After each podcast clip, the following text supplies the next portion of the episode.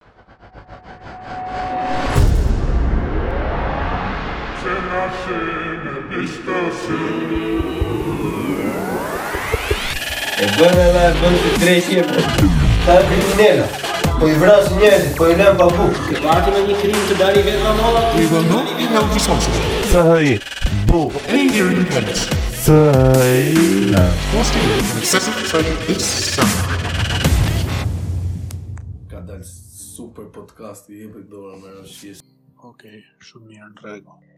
Sot tema për të cilin jemi mbledhur është sipas të gjitha ndodhive të, të fundit, domethënë, jashtëzakonisht shumë e nxehtë, që në fakt për mendimin tim është për pak për të ardhur keq duke pasur parasysh historinë që ka Shqipëria si vend prej këtyre gjërave, por që unë doja ta nisja pak në në një, një anë pak sa më, më filozofike, më më abstrakte.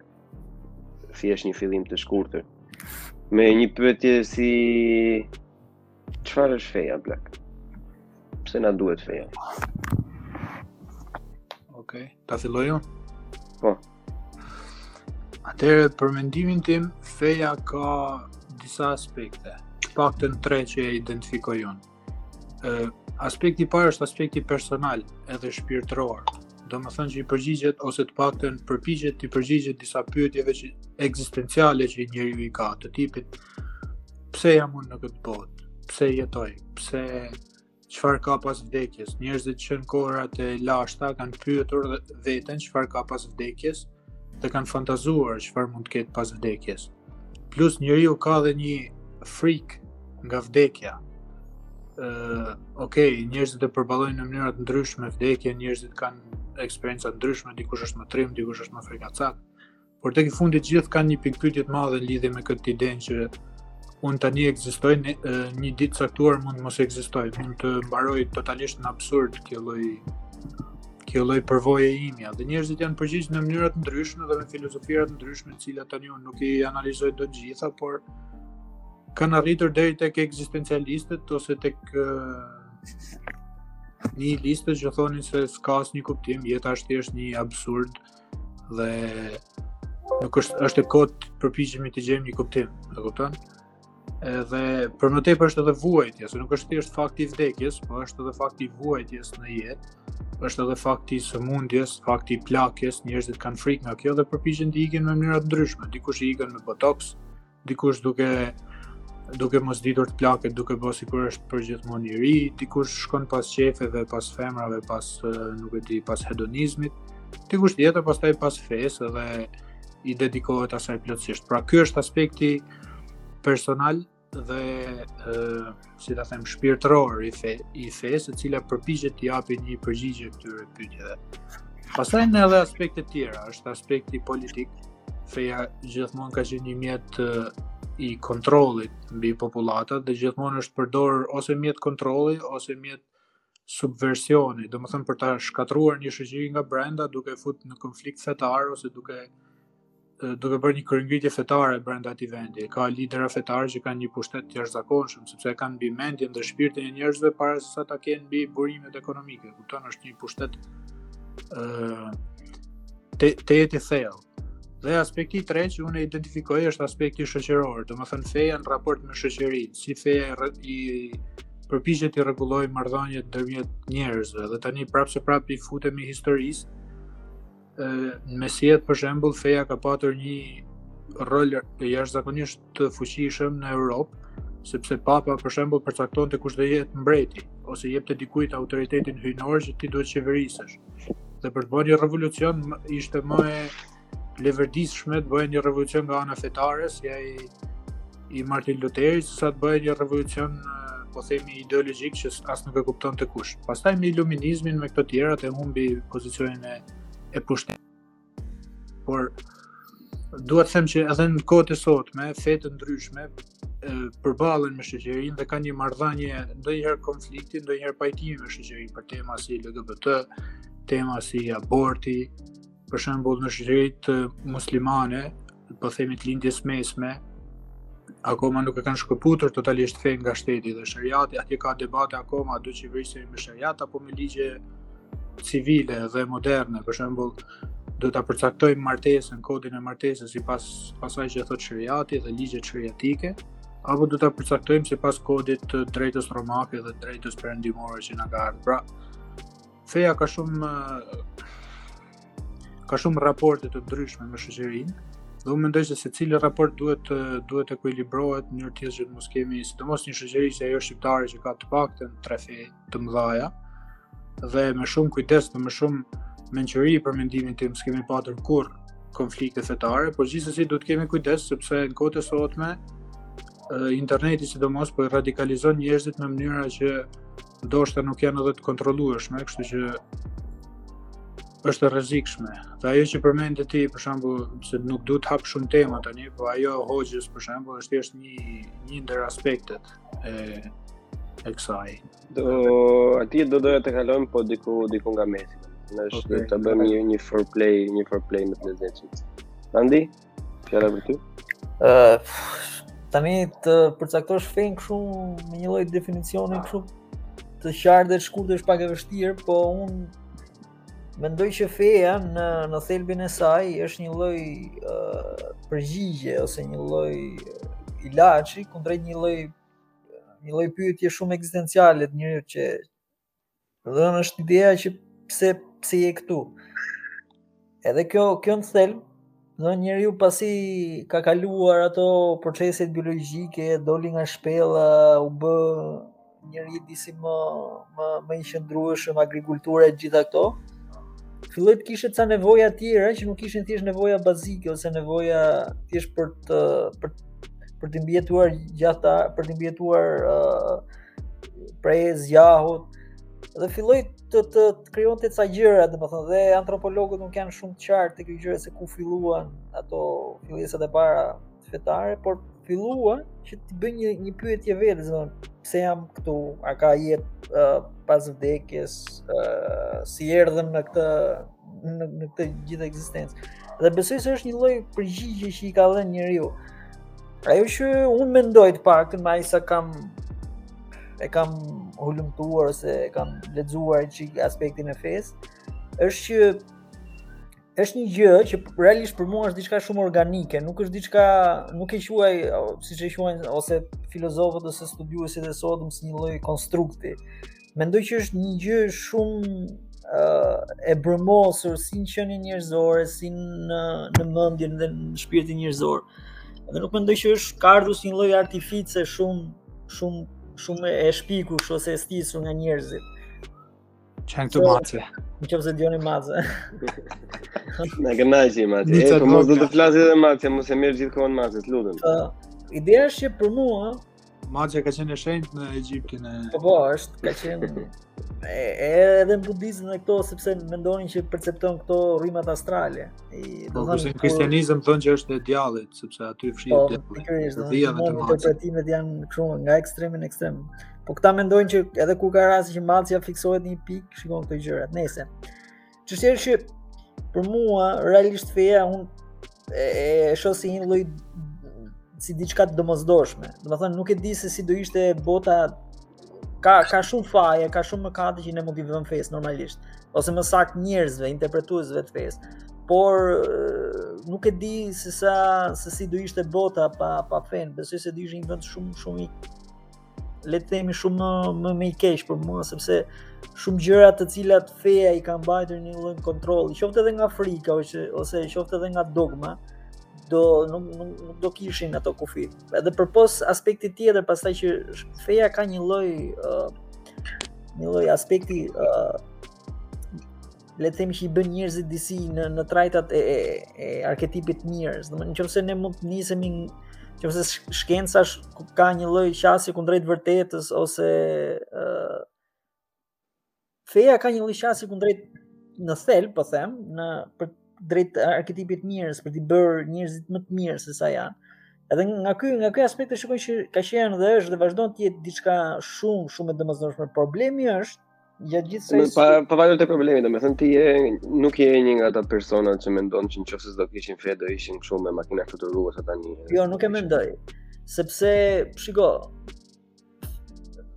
ka feja në vetvete i ka dhënë një lloj zhvillimi ose ka pasur një rol kjo është e pamohueshme që ka pasur një rol shumë të madh te zhvillimi njerëzor. Uh, problemi që unë mendoj nuk është feja që e ka penguar zhvillimin, domethënë pavarësisht fajeve ose periudhave të caktuara të, të, të fesë. Ajo që mendoj që është domethënë është besoj se nuk është se do kishte një lloj ndryshimi ose një lloj zhvillimi galopant. Unë besoj se është vetë qenia njerëzore si natyrë që e pengon zhvillimin, egoja, edhe shumë faktorë të tjerë se sa feja në në realitet. Nuk e mendoj këtë. Domethënë më duket një gjë ndoshta mund të ishte ndryshe, por mendoj që është një gjë që që s'kemi si, si ta dim. Besoj se unë un besoj se edhe feja nga nga ky aspekt ka lënë atë atë në zhvillimin e vet. Nuk e besoj se do ishim me makina fluturuese dhe duke shkuar nëpër planet të tjerë se se na pengoi na pengoi feja. Por un un mendoj që domethënë feja ka një lloj shumë paragjykimi në raport me fen. Domethënë duke qenë se janë ndar uh, në në mijëra sekte, në mijëra qëndrime që nuk nuk merren vesh edhe vetëm për t'i listuar duhen vite të tëra. Mendoj që është në raport me fen si thelb, them, edhe në raport ose e, kur kur them fe, unë kam ka ajo aspekti realist tek tek baza e fesë, tek ajo që proklamon thelb, te mitologjia, feja ose te kjo aspekti i së shenjtës që që njeriu percepton pavarësisht mund të jetë monoteiste, mund të ketë një lloj strukture të caktuar, gjitha këto. Do nuk dua të ndalem ke te kjo pjesë, po te thelbi i fesë, te një gjë që është një një një për mua një Njerëzim pa fe do ishte thjesht një një lloj skllavërie kundrejt materiales, kundrejt domethënë do ishte një marksizëm ose një lloj teorie marksiste shumë shumë e shëmtuar se për mua një nga një nga elementet negative dhe edhe të, të kritikës që mund t'i bëhet teorisë marksiste është aspekti që i heq këtë aspektin metafizik njeriut. Dhe e le thjesht si një cop mishi dhe një cop makinerie që është një zgjatim makinerie, ë uh, merr ato uh, mjetet e prodhimit dhe kaq. Për mua kjo është domethënë drama më e madhe që mund të ndodh në aspektin njerëzor, sepse ti i heq atë elementin e shenjtë. Është kjo kjo gjëja e pakuptueshme e qenies njerëzore që është e padeshifrueshme, nuk nuk mund të përkthehet në gjuhë, nuk mund të nuk mund të përkthehet në në shkencë, asnjë lloj gjë, po është diçka e cila thjesht të ekzistuarit mund ta përkthej. Te pjesa tani sa për pjesën e ekzistimit me këto fjalë që thua ti, domethënë që në në në, në shumicën e tyre në tërësi edhe un i bashkangjitem, po në në gjysmë le të themi se Fakti që është organike edhe që është pjesë e njeriut edhe gjithmonë ka ekzistuar, ose të paktën për aq sa e perceptojmë ne dhe gjithmonë do ekzistojë.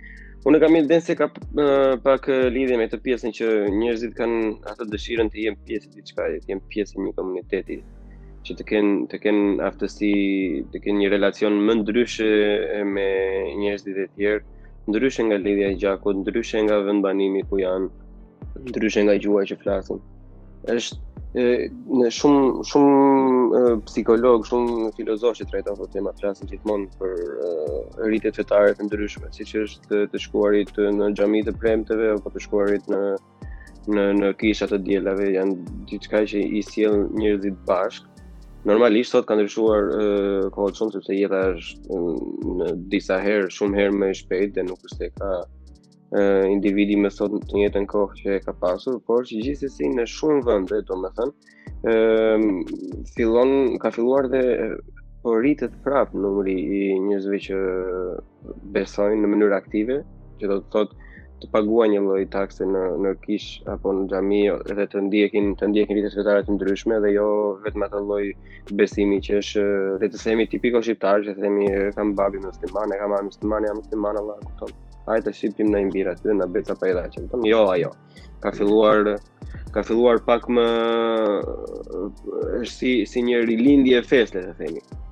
Njerëzit i kanë, mendoj se i kanë marrë këto mesazhet e, e ateistëve, këto mesazhet negative, skandalet e mëdha që ka pasur feja, gabimet e mëdha që ka sjell feja. Se feja vetë nuk është se ka ndonjë gabim shumë të thellë, përveç se disa shkelje të drejtave të njeriut e tjerë e tjerë. Është thjesht është diçka që është jashtëzakonisht shumë e vjetër dhe nuk është e njëta gjë se sa një software kompjuteri ku dilte tani ku dëgjon Islam 2.0, Islam Vista XP, e ke parasysh nuk ka kështu, janë gjithë çdo gjë është domethënë, akoma në kohën e mesjetës, siç është Bibla që thotë nuk do të hani nuk u dëgjon karkaleca deti se ashtu apo kështu. Këto janë budalliqe të vogla, domethënë që në një Një tërësi, aq të mirë, aq të bukur që e ka të tre libra fetarë, si Torati, si Biblia dhe si Kurani. Domethënë, ia humbet, ia humbet të gjitha të, sepse njerëzit janë edhe pak të fokusuar, sidomos në ditën e sotme që ma merr mendja ju jeni shumë, e keni, e keni parasysh për ça po flas, kur them që njerëzit janë shumë, shumë të interesuar dhe e kanë veshët pipëz për çdo gjë negative domethënë. Konflikti është, uh, një nga ato karamelet, një nga ato çokolladat më më të pëlqyera për momentin të kulturës dhe kjo nuk ndodh vetëm tek ne, kjo ndodh në gjithë botën. Madje në disa vende të botës që ne i marrim si për shembull ndodhin akoma dhe më shumë dhe janë pjesë akoma ë më e madhe e, e përditshmërisë. Falë Ideja tani, më fal po se ndërpreva të tregoj një vetëm një ë uh, histori të shkurtër që tregon Annie Besant, një kështu filozofe për historinë e se si e shoh unë çik atë aspektin e fesë si thua tek që njerëzit kanë nevojë të besojnë. Edhe te që feja në thelb edhe libra dhe çdo lloj feje ka është është ka një thelb shumë pozitiv. Dhe kjo tregon një histori të një murgu i cili bënte një ceremoni përgatiste një ceremoni një murg tibetian dhe problemi ishte që kjo ceremoni para se të përgatitej kërkonte nja 2-3 orë që t'i bëje t'i bëje gjërat gati dhe ky kishte një mace dhe kjo macja sa herë ky bënte ceremoninë vinte dhe i prishte këto qirinjtë temjanin e gjërat dhe një moment ky ça bën e lidh aty jashtë tempullit macen edhe sa herë bënte ceremoninë e, e, e mbante lidhur dhe personat që vinin e shikonin këtë të lidhur Vdes ky murgu dhe njerëzit dalëngadalë ça bëjnë. Fillojnë e zëvendësojnë ceremoninë, i harrojnë ato aspektet e ceremonisë, hapat e ceremonisë dhe pas shumë vitesh, pas mijëra vitesh, e vetmja gjë që ngel nga ceremonia ishte lidhja e maces. Dhe ajo ishte një gjë praktike po njerëzit e, e zhveshën atë aspektin e shenjtë dhe morën një gjë që nuk nuk e mendonin se çfarë ishte thjesht sepse bëheshe edhe e panë macen aty të lidhur gjatë çdo ceremonie gjatë Uh, Po është edhe pjesa e path of least resistance, mbajnë në mend gjënë që do po, më pak do, vëmendje, do më pak energji për t'u bërë normalisht. Sot pse bëjnë gjëra idiote që nuk kanë vlerë, domethënë që kanë qenë për atë kohë, për shembull, duhet të lësh mjekrën se se s'bën ose duhet të bësh akte të tilla të bësh. Ose yoga për shembull. Po, pantallonat kaq të larta ose duhet të bësh një gjë që kanë qenë gjëra që kanë qenë të përshtatura me klimën ose kanë qenë të përshtatura me me, me modelin kulturor, nuk nuk janë norma. A do tregoj diçka interesante rreth kësaj, domethënë. Unë e kam përmendur disa herë të tjera në podcast, e, por jo në mënyrë kaq eksplicite. Unë si individ, domethënë, nga nga prejardhja e familjes si një musliman, gjyshi im rahmet pastë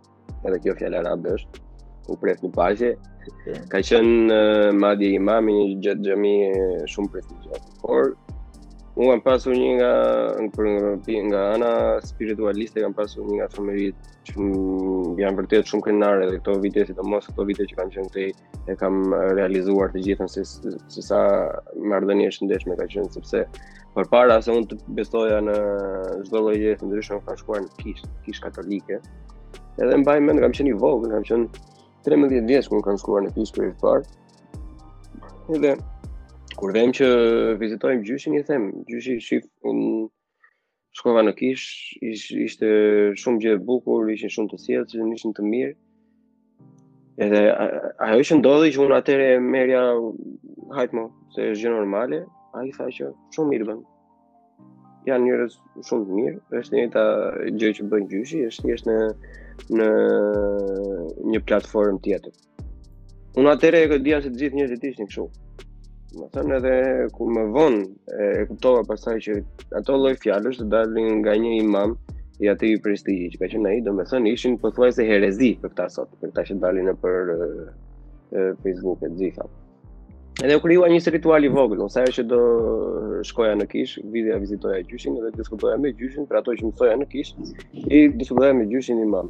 Normalisht pas një vit e gjysmë mbas dy viti në kishë filluan këto gjërat klasike, jo duhet të shoqërohesh më shumë me vëllezër kristianë, e ke parasysh. Edhe mm, ai tipi im harrakat nuk e lejoi shumë atë gjë, edhe unë dola nga kisha domethënë fillova nuk po vija më, edhe i shkëputa lidhjet sepse nuk më pëlqenin shumë pjesa kur më tregojnë se me kë do të rri vetëm për arsye të pikave fetare. Pastaj Në eksperiment e sipër nga fundi i vitit 2 gjimnaz, domethënë, fillova të shkoja në xhami, domethënë.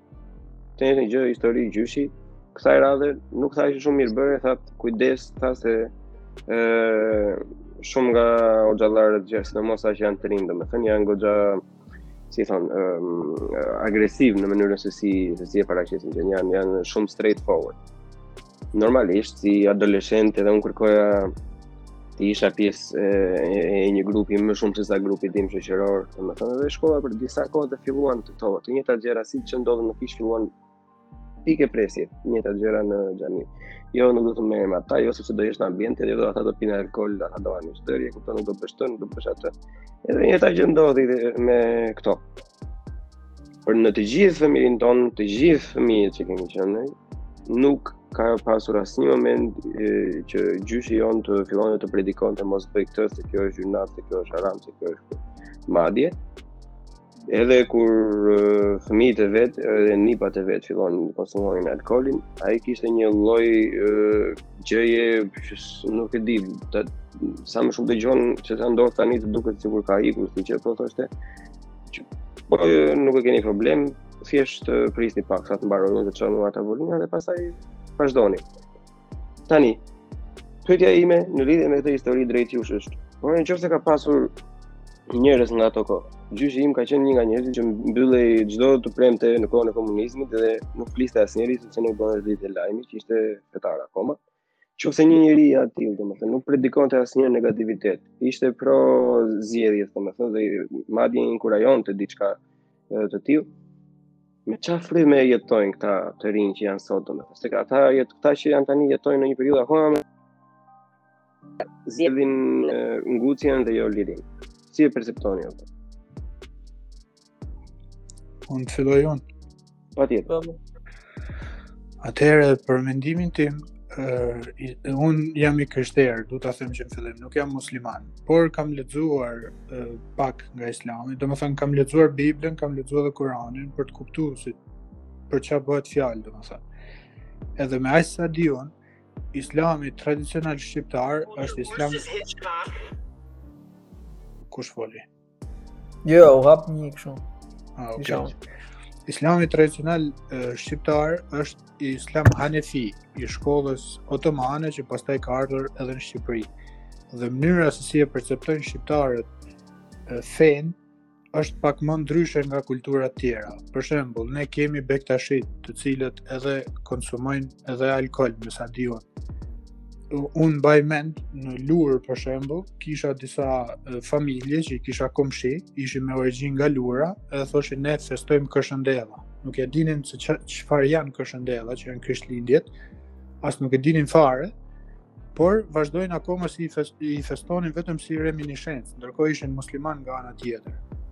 Pra, shqiptarët edhe një pjesë edhe janë konvertuar vonë, por pavarësisht konvertimit kanë patur një mënyrë të të jetuarit dhe të perceptuarit të fesë shumë ndryshe nga vendet e tjera të Lindjes së Mesme. Dhe pse tani është ndryshe? Unë mendoj se tani është ndryshe, sepse hoxhallarët, të cilët janë kryesorë që nxisin fenë, që nxisin po themi rrymën fetare ose të menduarit, janë të shkolluar në ato vendet e Lindjes së Mesme. Dhe ato vendet e Lindjes së Mesme, përveç se implantojnë një mentalitet tjetër, kanë edhe agjenda të caktuara, sepse mos ta harrojmë, për shembull, vehabizmi është një mënyrë jetese në Arabinë Saudite, por është edhe një eksport, një produkt ideologjik eksporti, me anë të cilit ata ndikojnë shoqëri të caktuara dhe kanë arritur të nxisin edhe luftra, edhe konflikte nëpër botë, duke nxit, duke rrit, po themi, influencën e Arabisë Saudite në atë vend të caktuar, siç ka ndodhur në Siri për shembull. Ku këta financojnë grupe të caktuara uh, islamike, po që ishin grupe luftarake, dhe ata në fund fundi do ishin aleatë të tyre. Turqia bën të njëjtën gjë nëpërmjet Dianetit, që është një institucion shtetëror i vendosur që në kohën e Ataturkut.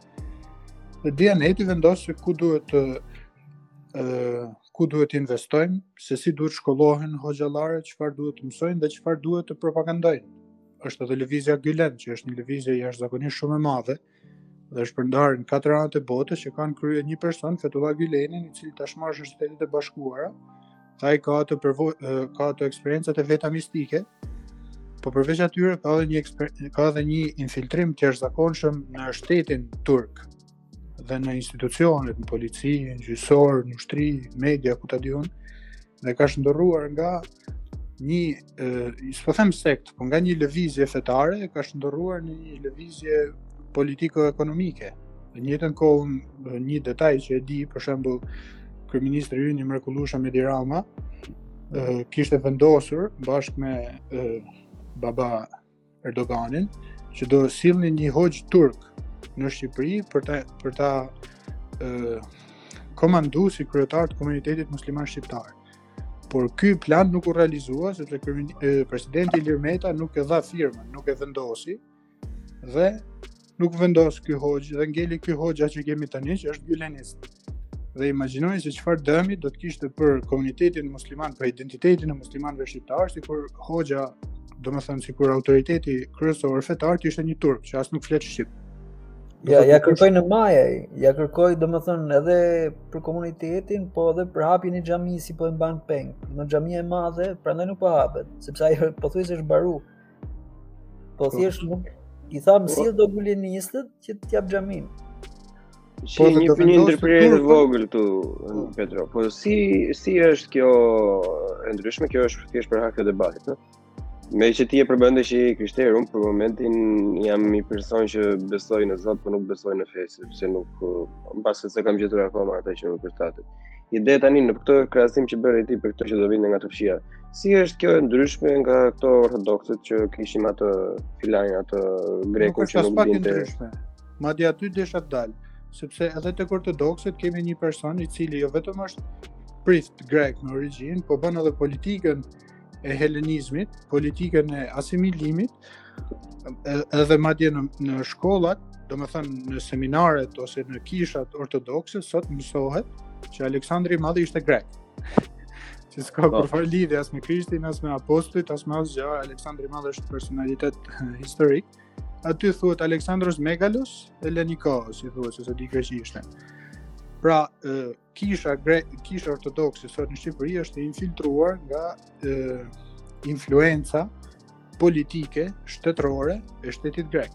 Për mos përfshirë punën e teksteve fetare, punën e pensioneve, të minoritarëve e tjera e tjera, gjitha këto. Kështu që feja është një, siç e thashë, është një instrument shumë i fortë subversioni dhe kështu ka qenë kështu është edhe për, edhe kisha katolike është luftu në kohën e komunizmit se thoshin jeni agjentë të Vatikanit ata vërtet janë agjentë të Vatikanit unë për shembull jam shumë pro kësaj rrymës së shqiptarizimit të fesë por problemi është se shqiptarët nuk duan shumë t'i çojnë fëmijët për prifta katolikë jo jo eh sepse i bie që të mos ketë fëmijë dhe kjo për kulturën tonë patriarkale është pak problematike se i bie që të shkëputet ajo linja linja tradicionale e mbiemrit të gjitha këto por ne kemi patur dhe kemi edhe prifta patriotë të cilët mundet ta, ta përkthejnë fenë në një realitet kombëtarist dhe t'i japin shoqërisë në vend që ta sabotojnë këtë shoqëri, në vend që ta përçajnë këtë shoqëri, mund ta bashkojnë Të mund të krijojë një për shembull Shqipëria nga kush është kriju? Është kriju nga një shumicë myslimane, e cila ishte kombëtariste shqiptare, se nëse gjithë myslimanët e Shqipërisë mos ta donin Shqipërinë, s'do ishte ba kurrë. Pra. Se në Elbasan është bërë ajo mbledhja e parë e gjuhës shqipe, mos gaboj, që u bë dhe Normalja e Elbasanit pastaj. ishin bejlerët, ishin figura të mëdhaja. Më bëhet shumë qejfi Petro që e përmende këtë pjesën, sepse unë te faqja e podcastit në Instagram zakonisht që edhe shpërndaj të këto figura shqiptare që janë të rëndësishme për shoqërinë dhe në mes tyre janë shumë ose imamë ose klerikë të islamit, si nuk e di se si quhet në gjuhën e vet. Edhe shumë njerëz komentojnë domethënë që o turkofil, o ashtu, o kështu domethënë. Jo, kjo është fanatizëm. Më, më, më, si më vjen më vjen pak gjynaf domethënë për atë injorancën e tyre sepse ë ka pasur dhe nga ata që kur janë ngarkuar klerik, domethënë katolik ose ose kristian ose ortodoks, ortodoks shumë rrallë, domethënë, pothuajse s'ka fare, po që nuk ka qenë e njëta nuk ka qenë e njëta e njëta urrejtje domethënë ka për mendimin tim ka një fanatizëm sepse ka shumë njerëz të cilët mendojnë se Shqipëria është krijuar në kurriz të Islamit. Po duhet ta kuptojnë që Shqipëria nuk është krijuar në kurriz të Islamit. Shqipëria është krijuar krah për krah me Islam. Shqipëria është krijuar në kurriz të Perandorisë Osmane. U shkatërrua Perandoria Osmane dhe një copë e saj, çengeli i fundit ishim ne. Por kjo s'do të thotë që ne duhet ta luftojmë Islamin, sepse çfarë do bëjmë? Do do luftojmë shumicën e popullit shqiptar, është pa pikë kuptimi. Dhe kjo për mendimin tim ka më shumë lidhje me fanatizmin se sa me fenë vetvete. Dhe ti përmende rastin e gjyshit tonë.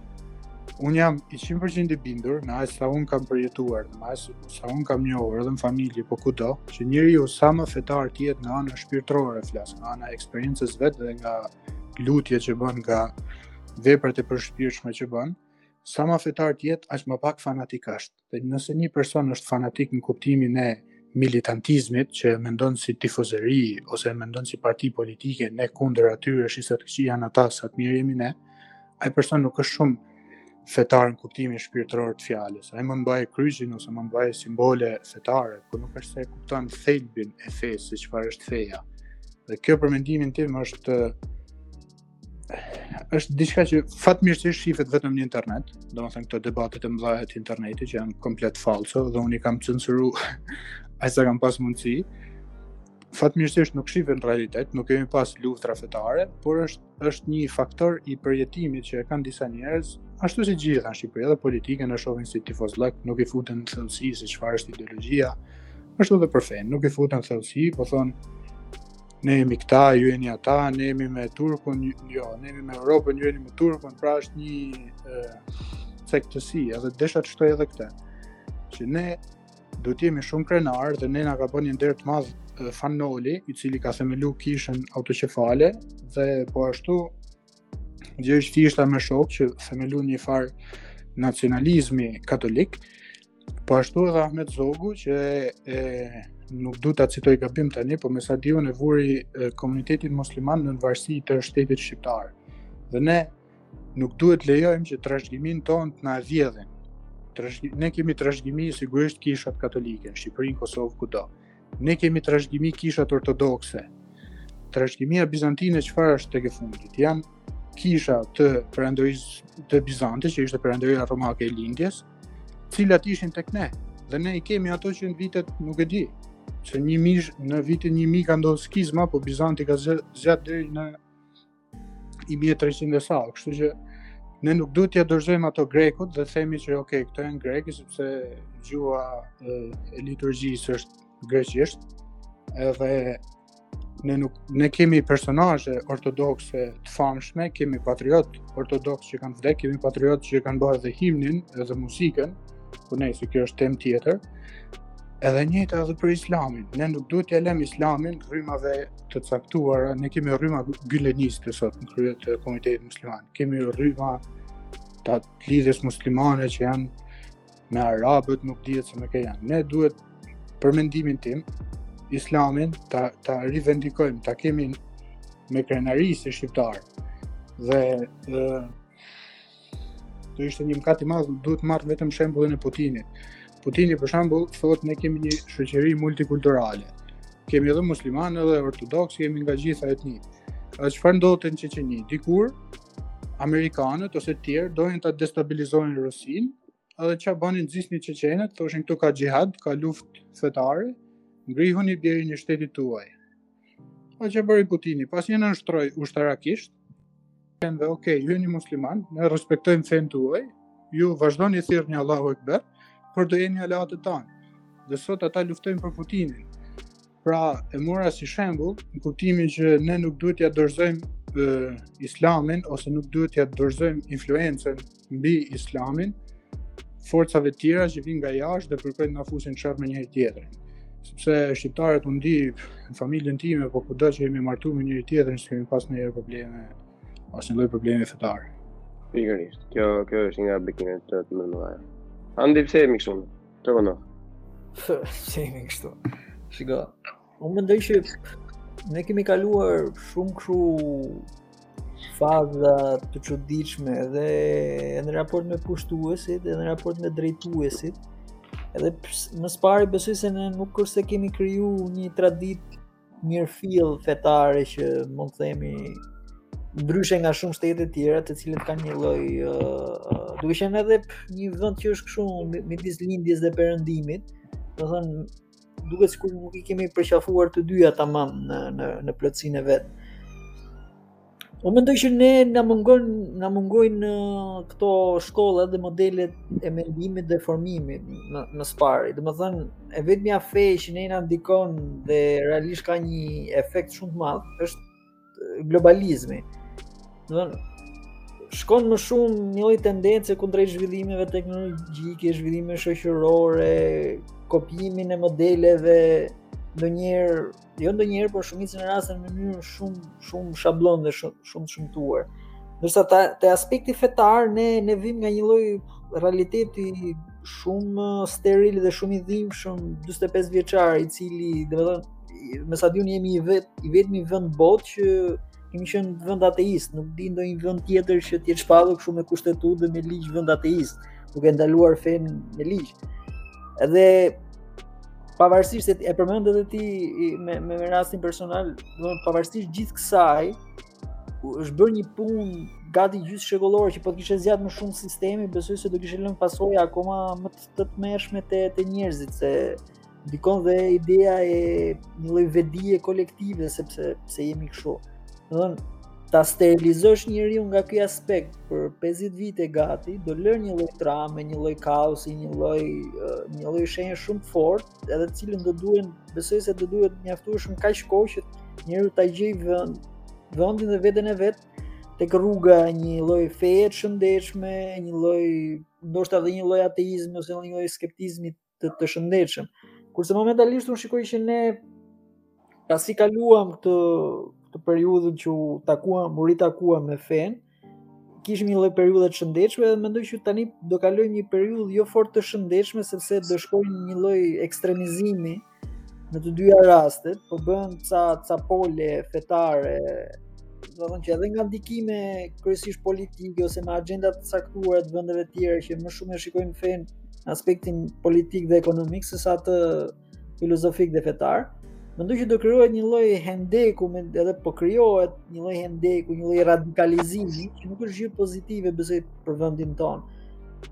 Po krijohet një lloj qasje që për mua për mua nuk është shumë e shëndetshme, Po po po futen sa më shumë në llogoret e tyre, në vend që të kthehemi tek ajo tradita që themi herë pas here ke ajo ideja e tolerancës e, fetare.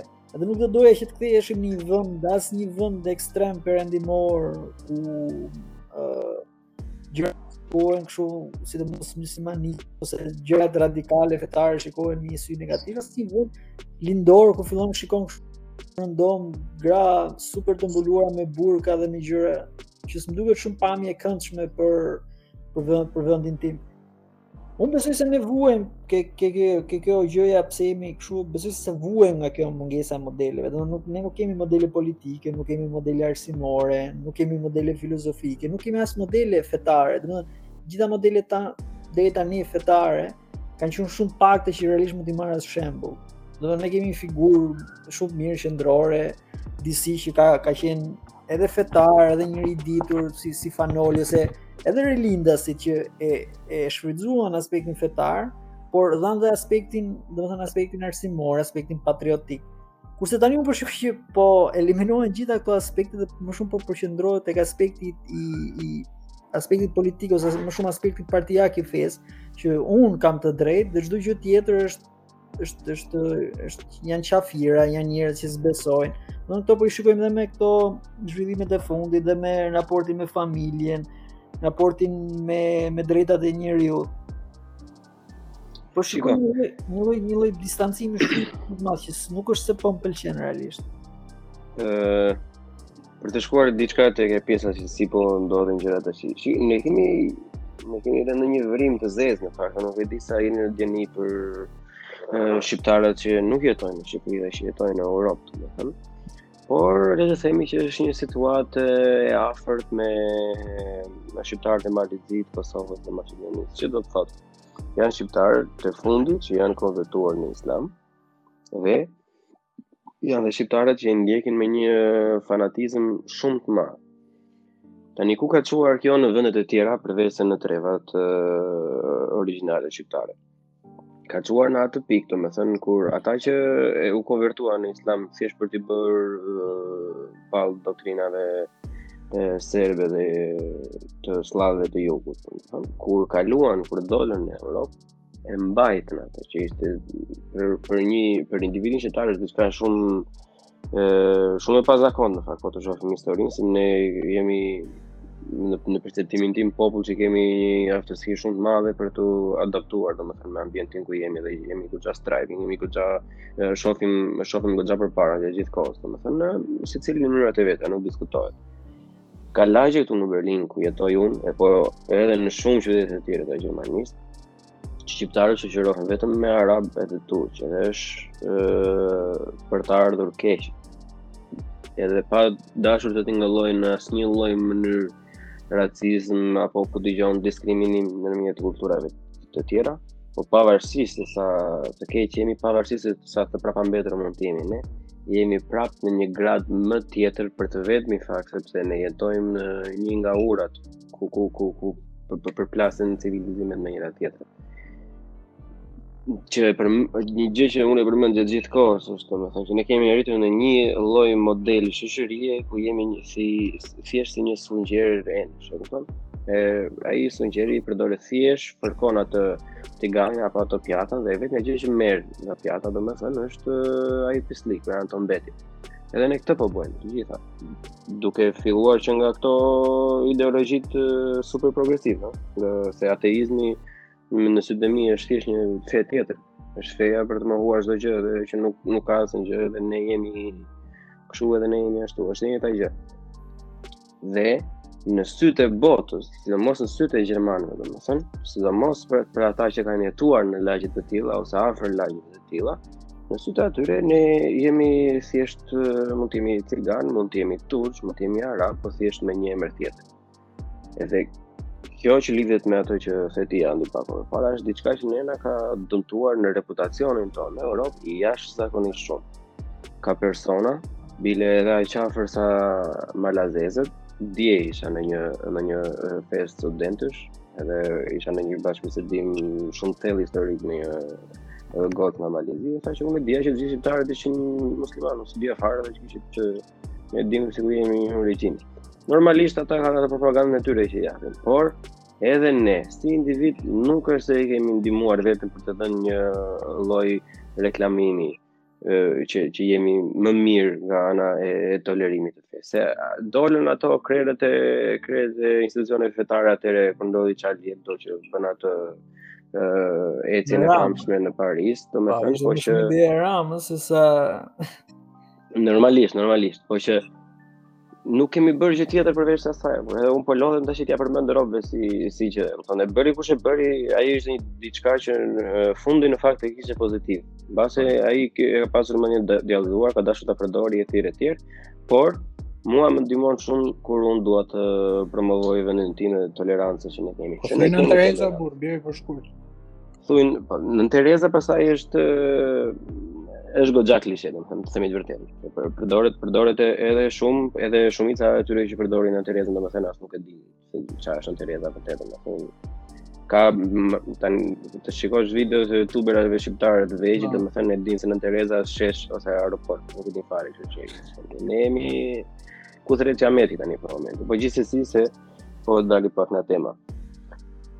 Unë do doja tani që njëri nga juve me në një mënyrë të thjeshtë, domethënë, po jo pa detaje të shpjegojë pak situatën që po ndodh tash, mbas ë ë vdekjes së të ndjerit gazetar, unë nuk e njoh shumë personalisht. Mund të mund të flasë njëri nga juve ta shpjegojë që çfarë po ndodh në moment. Shpjegoj unë po deshe. Po me kënaqësi. E gjithë situata është që vdiq Kastriot Myftaraj, pasi me sa mora vesh unë kishte një tumor në kokë dhe vrau veten. Domethënë, versioni i policisë është që vrau veten, pastaj hetimet akoma s'kan mbaru. Nuk e di, por ideja është që vrau veten pasi zbuloi që kishte një smundje terminale. Dhe ky Kastriot Myftaraj ishte një person po themi person i konspiracionit dhe i thashethemeve, po kryesisht i konspiracionit. Dhe ky fliste për këto jo Sorosi, jo pushtete të caktuara, ndikimi rus e tjera tjera. Dhe një ndër karakteristikat e tij kryesore është ka qenë gjuha tepër e ashpër ndaj islamit. Dhe për këtë është fut në konflikt me muslimanët vazhdimisht, aq sa e kanë pas godit një herë më duket, nuk e di, por Ky fliste gjëra të tmerrshme, tipi të hedhin bombën atomike mbi Mekë, ose muslimanët duhet të konvertohen gjithë, ose të deportohen, nuk e di tani gjithë ato budallëqe që ka thënë. Ideja është që ky nga fundi i jetës vet, me sa mbaj mend unë, pati nis një konflikt të tillë dhe i shko, shkoi u konfliktu me me vllain e këtij hoxhës Ahmed Kalasë, kështu që kishin pak a shumë një histori të tipit personale me këtë.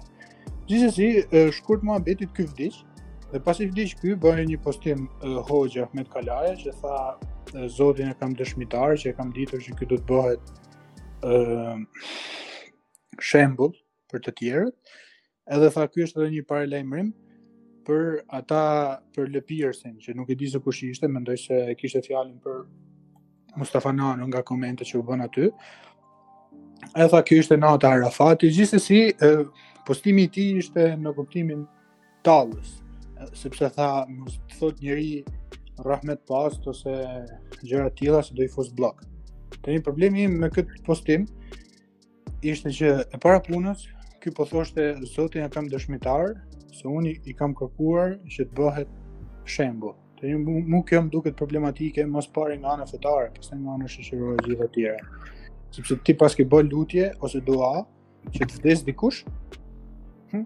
Domethënë, nuk e di që në islam të jetë kjo që ti të bësh lutje, të vdes dikush dhe Zoti ta plotëson ty. Kjo nuk më duket lutje, mua kjo më duket më shumë si ato magjitë e zeza të vdesë filani.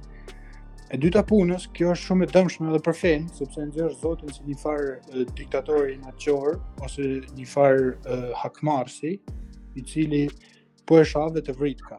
Dhe këtu zoti del edhe hipokrit, sepse vritka një person që si Kastriot Myftaraj dhe nuk vret të tjerë që janë super kriminelë ose s'e ka vrarë Enver Hoxhën me tumor a me vetëvrasje që ai ka qenë kryepersekutori i fesë në Shqipëri, pra është shumë paradoksale.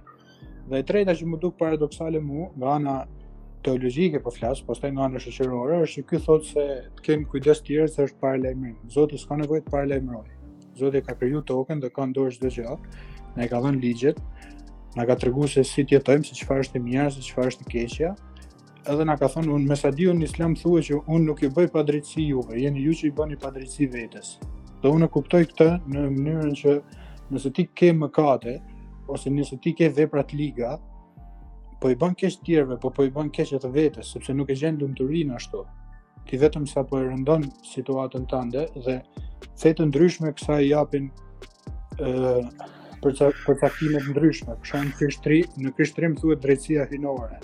Për shembull ka qenë at Zef Pllumi që thoshte gjithë komunistët vdiqën sepse drejtësia hyjnore kështu e ka, nuk ka njeri të të pavdekshëm, sado i fuqishëm dhe i lavdishëm të jesh ti në jetë.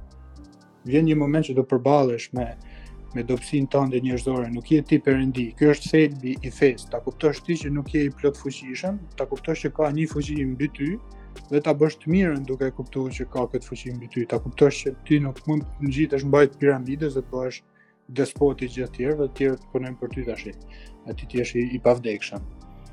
Ky është thelbi. Disa të tjerë i thonë për shembull fetë lindore indiane i thonë karma, ligji i karmës, ose kupton e mira të kthehet, e keqja po po ashtu të kthehet. Kjo kështu e kuptoj unë drejtësinë hyjnore. Unë nuk e kuptoj drejtësinë hyjnore që Zoti ty të paralajmëroka dhe pastaj të vritka, se Zoti qenka vrasës me pagesë.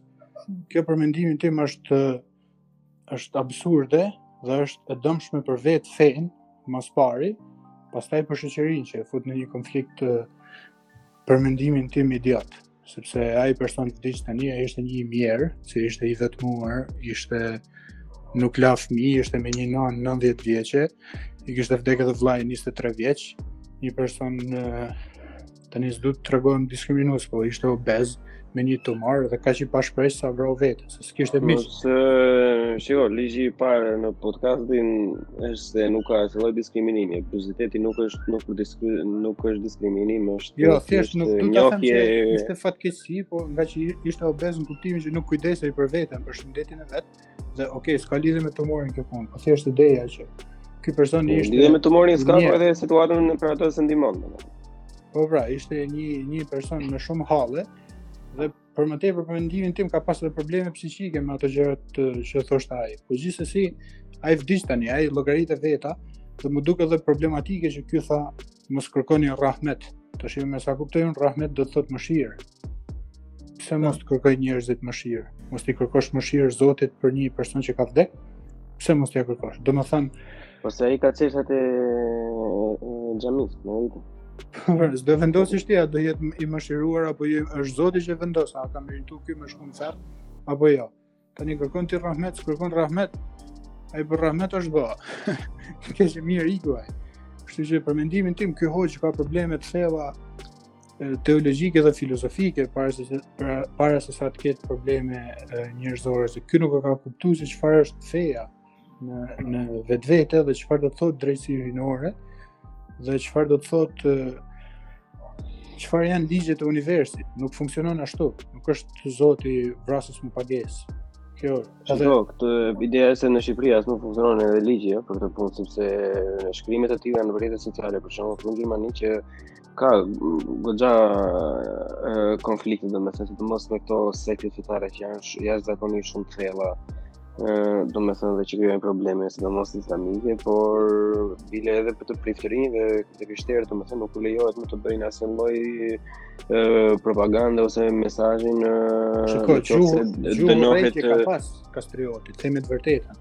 Po dhe ky hoxha ka problematikat e veta, se në mbaj po mend se Kastrioti, Kastrioti është i vdekur, shife, shife po, Petro. Kastrioti është i vdekur tash i nuk nuk mori drejtësinë e shtetit, mori drejtësinë hyjnore, si thua ti apo vëri emrin si duash, nuk ai nuk është më relevant. Ë, fatkeqësisht nuk është më relevant. Relevant është ky individ që nëse do jetonte në një shtet për shembull siç është këtu, Pavarësisht se kujt feje do i përkiste, ai veprim që ai ka bërë është i dënuar, sepse ajo është gjuhë urrejtje ti je duke i treguar, ti je duke dhën du, duke shtyrë ata ata ndjekës që ke për të që ata të veprojnë në një mënyrë siç do ti. Dhe ju e dini shumë mirë që gjermanët kanë një histori shumë të bukur me persona që i thonë se si të sillen edhe çfarë të bëjnë. Kështu që nuk e di, domethënë se s' në asnjë lloj momenti nuk pati reagim nga shteti shqiptar, pastaj ka pasur, unë nuk e di dhe tani është për të ardhur keq. Po, një që si... Ky hoxha ka pas, më fal, Që po të ndërpres, ky hoxha ka pas probleme edhe më të randa, për mendimin tim edhe ka thënë edhe idiotësi nga ana fetare së pari, po edhe politike, sepse kur ishte lufta në Siri, thoshte atje ka xhihad dhe shkoni në Siri. Ishte po. koha kur pothuajse gjithë hoxhallarët po thonin se po vriten muslimanët në Siri, Bashar al-Assad i diktator dhe kishin një farë të drejte nga një anë, por tek i fundi çfarë ndodhi? Ndodhi që ata që shkuan atje për xhihad, përfunduan o te al-Nusra O te ISIS, te këto organizatat xhihadiste, se kur erdhi puna atje u mblodhën, nuk luftuan me ushtrinë e lirë siriane. Pra ky ndoshta nuk ka qenë drejtpërdrejt përgjegjës, se ky s'i ka nis te organizata terroriste, po mund të jetë përgjegjës që ka nis njerëz në një luftë që as nuk e kuptonin se për çfarë është, mendonin se është për të, po flasim për një njerëz si ky, përgjegjës apo jo, direkt, në mënyrë aktive apo pasive, ata janë persona shumë lehtë të dënueshëm. Dhe kjo është fatkeqësi Nuk mund të shiko. Unë e dëgjoj shumë, shife, o Petro, është kjo pjesa pra, që më që mua më më, më shkatron fare sa herë e dëgjoj domethënë është justifikimi që njerëzit përdorin tash që o po ato që ka kaluar krishtërimi në mesjetë Islami po e kalon tani. Në mënyrë, more zotëri, krishtërimi ato kur ka kaluar në mesjetë i ka kaluar në me lufta ka kaluar e ish, ish, janë të dokumentuara në mënyrë të mirëfilltë që ishin interesa politike, ishin interesa ekonomike, kanë bërë, çfarë kanë bërë, se i donte qefi apo se ashtu vendosën se ajo ishte ishte ajo kohë dhe e kishin më të vështirë ata të vendosin se ai dilte prifti në një ku dëgjon në një fshat të Francës aty dhe thoshte po na vrasin aty dhe nuk kishte njeri që ta verifikonte normalisht ço fëmijën e parë ik dhe vet po të ecte mirë do sillesh në na na na ndonjë flori të vjedhur nga Jeruzalemi apo nga Akre edhe hajde ja hodhe po këtyre tani nuk i falet Unë e mendoj se edhe personalisht duke pasur një fam një familje që është pjesë e atij besimit dhe mamaja ime është akoma sot e kësaj dite shumë e devotshme prej atij besimit, pavarësisht se unë jam. Unë jam shumë i indinjuar kur personat mendojnë që o ta, ata mund të bëjnë çfarë duan tash, për të vetmin fakt sepse ata po kalojnë të një, në të njëjtën situatë siç ka kaluar kristiani. Po zotri, ata nuk kristianizmi atëherë apo bota nuk ka pasur asnjë lloj mënyre që kemi ne sot. Nuk ka pasur media sociale, nuk ka pasur internet, nuk ka pasur mënyrën kaq të thjeshtë që e kemi ne sot për të dalë përjashta, për të takuar një person të një person të, të komunitetit tjetër, edhe për të ndarë mendimet apo atë debatin e, që është helm edhe vrer online, ta bësh në në prezent dhe ta shikosh, ore vërtet ky është armiku im, vërtet do të më vrasë mua. Vërtet janë janë fëmijët e djallit apo budallallëqet e tjera që thon, kjo është shumë e patolerueshme, se un jam për atë që thua ti, ta konservojmë ta mbajmë islamin, domosdo ata për për sidomos edhe në fund të fundit për uh, hakun e atyre që na kanë ndihmuar të jemi sot ku jemi. Po kjo nuk do të thotë se ne do të justifikojmë çdo gjë me këto, se është e papranueshme. Sidomos për aspiratat që kemi ne sot për botë. Unë e mendoj që kjo është politikë e gjitha, sepse ajo ka qenë periudha që shkonin musliman nga shumë vende të ndryshme të botës dhe hoxhallarët thjesht kishin marrë direktivën që hajde të luftojmë Bashar al-Assadin, sepse Bashar al-Assadi ishte Alevi, a si quhet ai sekti, dhe po luftonin Sunni kundër Shia. Dhe për mendimin tim, prap e, e përforcoj që është politikë, sepse Ka disa rryma të Islamit, të cilat e përdorin këtë anti-imperializmin. Domethënë shkojnë në vende si Iraku ose Libia, të cilat kanë pas trazira me fuqitë e mëdha, i ka pushtuar Franca, i ka pushtuar Amerika, i ka marrë dikush naftën dhe ngrihen dhe thonë ja shikoni tani këta duan përveç se të na pushtojnë ne, duan të na poshtrojnë, duan edhe të na rrënojnë identitetin tonë dhe këta janë me hebrenjtë kundër nesh, Dhe ne tani të ngrihemi, të ngrejmë atë, po themi, krenarinë që kemi pas dikur me kalifatin e me të gjitha. Dhe këtu ju prekin nervin anti-imperialist atyre popujve, se te ata popuj është lehtë të ngjisë kjo propagandë. Kupton, është vështirë, pak vështirë të ngjisë në Shqipëri edhe pse kohët e fundit po, po ngjit sovranizmi. Sovranizmi. është pak e vështirë të ngjisë në Shqipëri se ne perëndimi na ka ndihmuar kur kemi pas nevojë për shkak të Kosovës ose e kemi pas si një farë shprese perëndimin, por në ato vende nuk është se, domethënë, perëndimi ka shkuar atje ose me ushtri, ose as nuk e kuptojnë fare se çfarë është. Përveç kësaj luftës anti-imperialiste, ka dhe rryma të tjera, atje është një luftë, i fusin në luftë Irani që përfaqëson shiitët, Arabia Saudite sunitët, Turqia nga ana tjetër po sunitët, po edhe ajo ka interesat e veta, kështu që bëhet një lëmsh i madh që nuk e merr vesh i pari të dytin. Për mendimin tim, e vet e vetmja busull është kjo pra Islami ose feja në përgjithësi të kuptohet si një përvojë shpirtërore më së pari, pastaj përvojë formale nga jashtë, përvojë e ligjeve se sot po un po dëgjoja një hoxhë që thoshte sot e, e mendojnë Islamin vetëm në formë rregulla, shumë hoxhallarë. Dhe vetëm flasin për haramin, është haram të bëhet kjo, është haram të bëhet ajo, sikur po japin vetëm ligje. Po Islami nuk është vetëm ligj dhe ti nuk je vetëm gjykatës, është një fe me gjitha komponentet e veta, me me komponentën e lumturisë, me komponentën e poezisë, me komponentën e, e dashurisë. Këta e kanë bërë Islamin sikur vetëm ndalohet kjo, ndalohet ajo, vishu kështu, vishu ashtu edhe do shkosh në parajsë tani se zbatove këto rregulla. Dhe kjo është për gjitha fetë.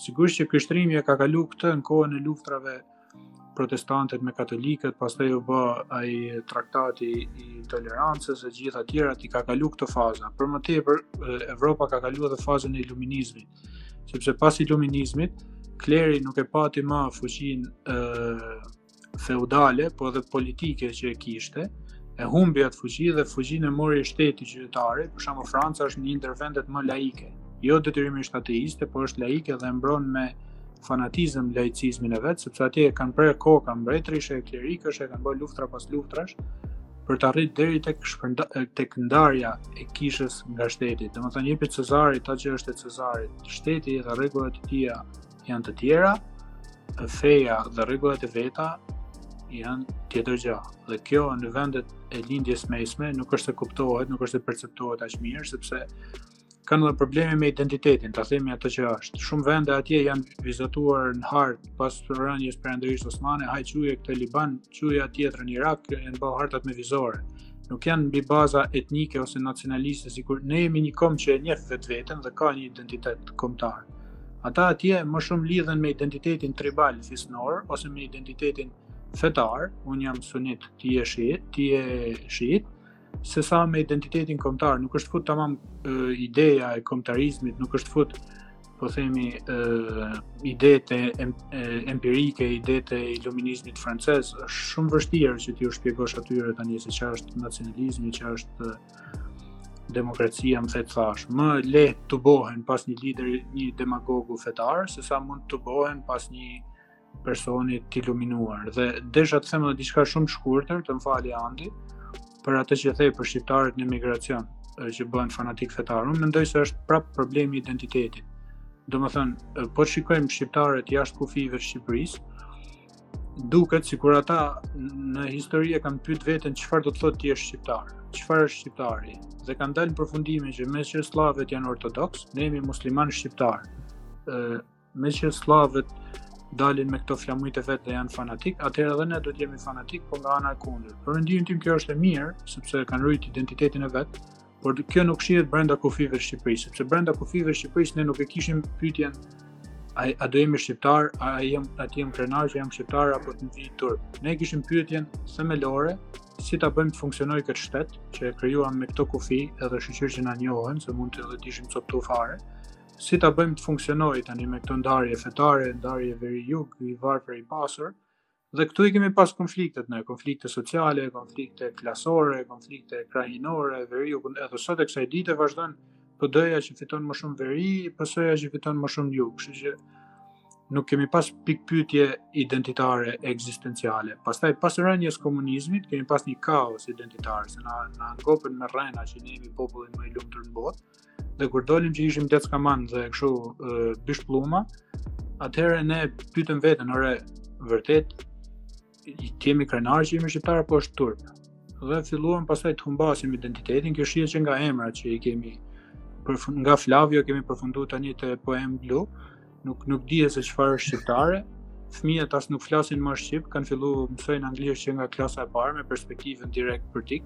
Në televizion shef njerëz që e përzijnë shqipen me anglisht në një mënyrë që mua më vjen për të vjell me thënë të drejtën, sepse unë njoh njerëz që kanë lind në Amerikë. Aty edhe unë jam uh, fajtor i përbashkët me këtë meselë, po mendoj se për arsye për arsye pak më të ndryshme. Po, unë un, kam njoft njerëz që kanë lindë në Amerikë dhe flasin shqipen rrapa shtrapa, po të paktën mundohen ta flasin. Kështu që ne kemi një krizë shumë të madhe identitare dhe fakti që po ikim dhe po largohemi dhe për mendimin tim nuk është shumë fakti që po ikim, sepse emigrantë kanë patur gjithmonë edhe popujt tjerë, edhe Irlanda ka patur shumë emigrantë edhe Italia. Por është fakti që edhe ata që janë në Shqipëri po vetasimilohen në një kulturë anglishtfolëse në një kulturë që nuk dihet është një mishmash i madh.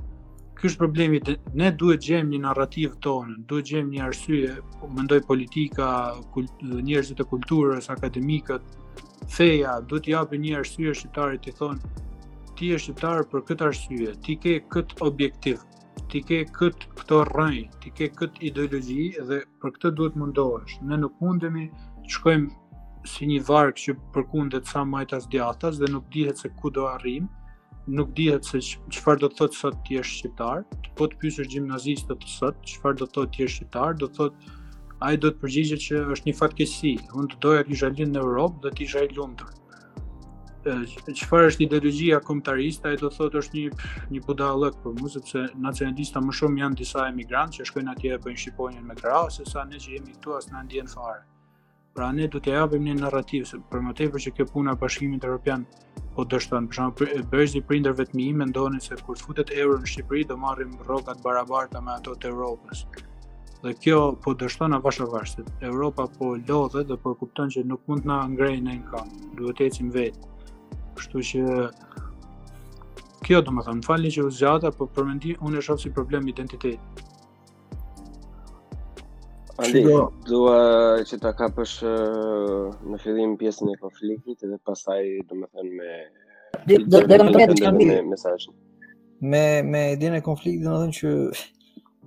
Unë un edhe edhe kam njoh atë kaçin këtë Kastriotin që gjynah, domethënë, ideja është që ai postim nuk ishe thjesht një personi që domethënë nuk e kupton realisht thelbin e fesë vet, por po ishte dhe një, edhe në aspektin njerëzor ishte postim i, i i pështirë. Një nga gjërat themelore që mësojnë fetë, si kristianizmi, si muslimanizmi është që në momentin e fundit të jetës vet njeriu, do të mund të ketë qenë çfarëdo lloj njeriu, gjithmonë kanë këtë traditën që i, i duhet t'i gjendet pranë një hoxhë ose një prift, që t'ia bëjë disi më të lehtë atë rrugën për në botën e përtejme ose për ato pengje mëkate gjërat e fundit që ka pasur Ketë një lloj rrugë te te shenjtëria, kushdo ku që ka qenë. Edhe ky thelb, domethënë, që ta mohosh këtë thelb, edhe dalësh me, me deklarata të tilla idiote, siç e tha dhe Petro, domethënë, që ta kthesh Zotin kështu, si serial killer me pagesë, si hitman, është realisht shumë, për mua është e pështirë dhe e rrezikshme. Para pak kohësh, këta të SPAK-ut kapën një person i cili bënte thirrje ekstremiste, ndante kështu ajete, kështu, caktuara të Kuranit duke bërë dhe thirrje ekstremiste. Edhe unë besoj se pse nuk veprojnë kundrejt një personi të tillë si Ahmet Kalaja dhe fusin në burg persona që domethënë nuk është se kishin ndonjë fuqi të madhe, thjesht aty merrnin 3-4 po, like. Po vota s'e bëri, ose Ahmet Kalaja do do i po, japi votat te te, te, te Facebooku vet. Çështja është që thirrja e tij është mirëfilli sa edhe paralajmëron që nëse do ketë person do do bëjnë deklarata të tilla, do ne do çojmë zotin se e kemi zotin kështu si te xhepi dhe e lëshon direkt plumbin të mori aksidenti, vrasja, rrufeja. Që është realisht nuk është thjesht deklaratë që duhet ta marrësh negativisht në aspektin moral dhe fetar, por realisht duhet merret dhe penalisht, po bën një lloj thirrje domethënë shumë Ndaj mos ta marrim kaq shumë seriozisht, është thjesht një budalla. Dakor. Jo, ai jo, ka, Petro, ka Petro, të lutem shumë, ai budalla nuk është. Andi më fal, të lutem, po. të më falësh shumë. Budalla nuk është ai Petro. Ai person mund të jetë shumë gjëra, por është jashtëzakonisht shumë larg budallait, sepse nuk është hera e parë, ai ka bërë atë budallallëkun para ca kohësh me atë komedin. Edhe siç ka rob të tjerë, për shembull, gjëra të shenjta, edhe po ka qenë një open si tani një komedian që ka performuar në një skenë me ça oh, quhet po, me mikrofon të hapur dhe që e mbyllën madje për ato po.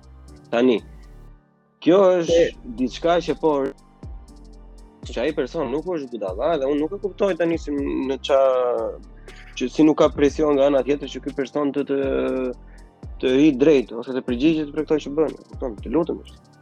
Ai ai nuk është thjesht, domethënë nuk është nuk është njeri budalla që bën deklarata të tilla, përkundrazi, thjesht problemi është që ai ka një super ndikim sepse ai është imam një xhami shumë të madhe, si te rruga e Kavajës dhe ka një rrjet shumë shumë të madh besimtarësh. Domethënë ky Elvis Naçi janë hoxh, hoxh që nuk janë thjesht hoxhallar të thjesht. po ka një ndikim jo vetëm tek besimtarët e vet, por ka një ndikim shumë të madh televiziv.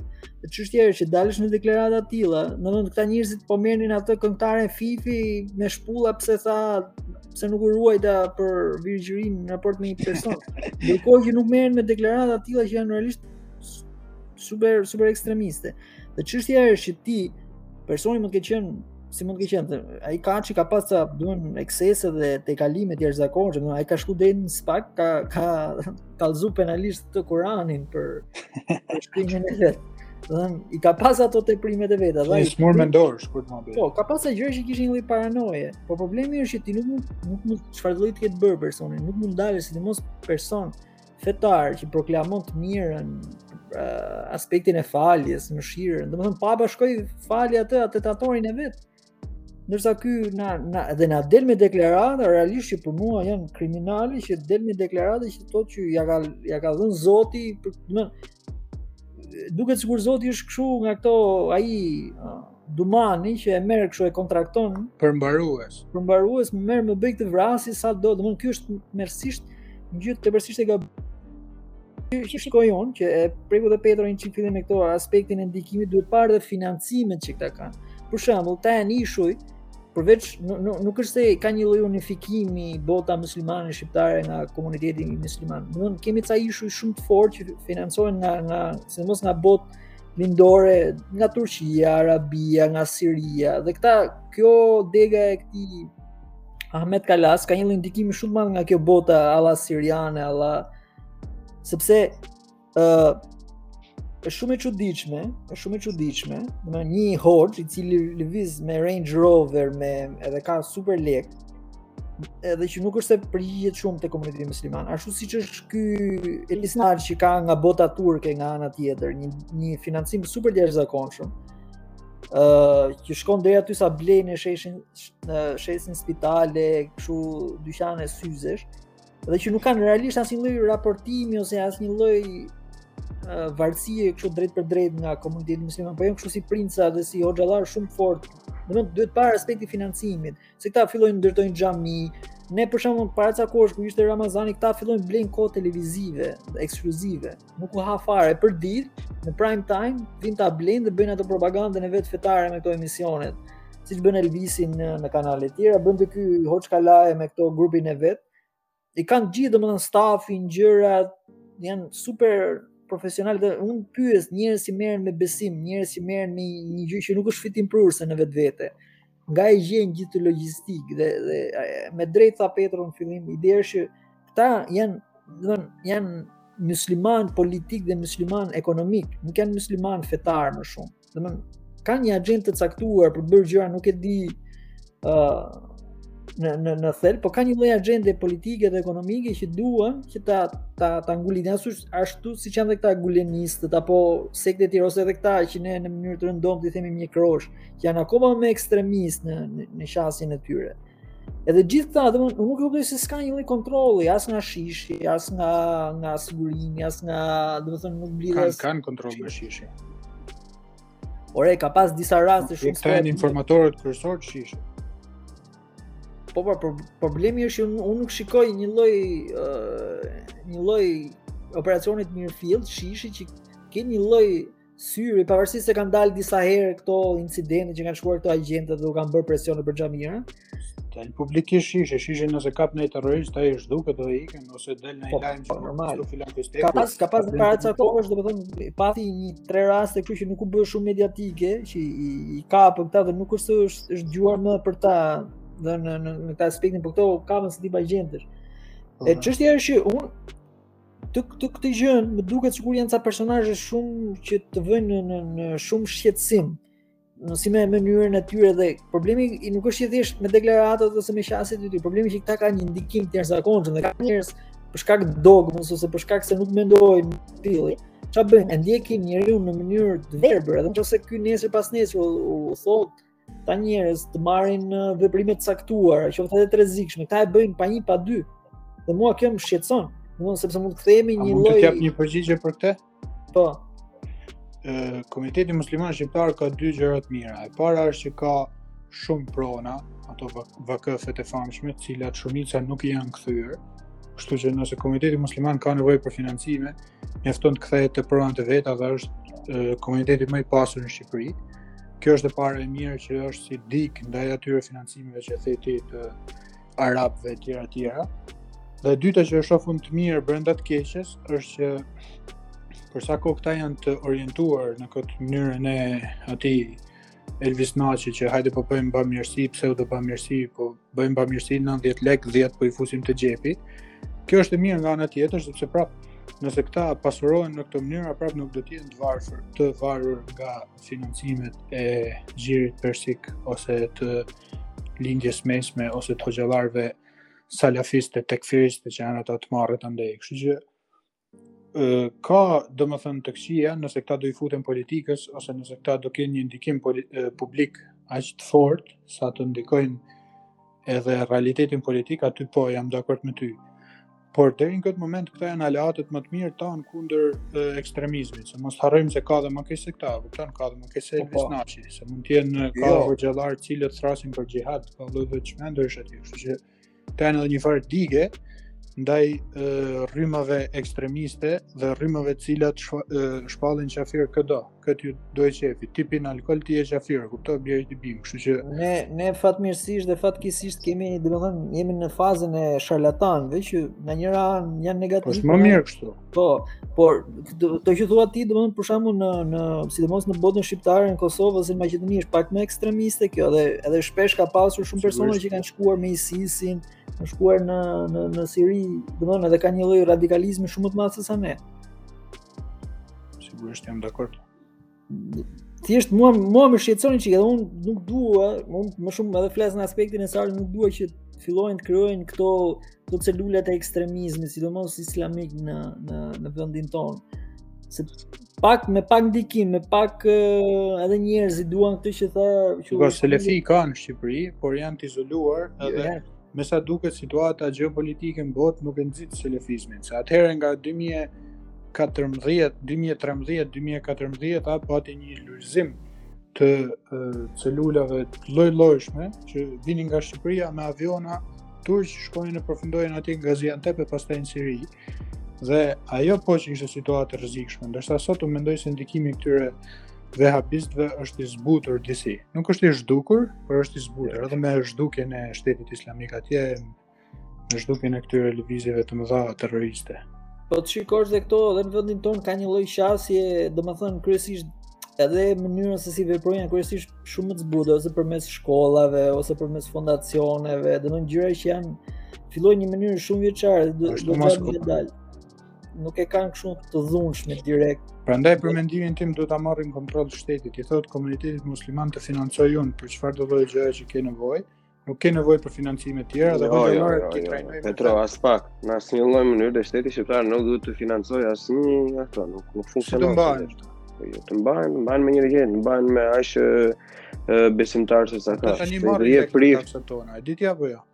O Petro, ata janë klerikë, ata do të mbahen me aq besimtar sa ka. Ka aq besimtar, aq do marrësh, më se e drejtë. Ti je njeri që predikon jo ma, kundër materializmit. Ë predikon në ndaj. Mos e bën pasur apo thjesht po. të kenë një farë dinjiteti. Ajo që ajo që mund të bëjë shteti, se as unë s'jam dakord me këtë pjesën e financimit, se çfarë do të financosh më përpara me një buxhet të tillë, po Ajo, unë edhe besoj se ne nuk është se shteti shqiptar përkundrazi se duhet njohur kjo meritë, i ka trajtuar shumë mirë fetë, sepse ka një një gjë që shteti mund të bëjë, ka pas lehtësira te kadastra, lehtësira te prona, lehtësira te shumë gjëra, domethënë nuk i ka penguar tek aktiviteti i tyre, përkundrazi edhe te ndërtimi i xhamive të gjithë, domethënë, besoj se detyrën shteti deri diku e ka plotësuar. Kurse te aspekti i financimit, çështja është që fetë kanë një, sidomos besimtarët kanë kontribute, kanë, domethënë, vullnetarizëm, se nuk është nuk është një kompani e cila paguan njerëzit. Shumica e aktivitetit uh, fetar ose xhamive dhe kishave bazohet te vullnetarizmi dhe kështu që nuk është se ka një duhet të kenë një lloj logjistike. Bazohen edhe tek aspekti i dhurimit, si te kisha, si te xhamia. Jo, janë me rroga ata të gjithë. Dakord.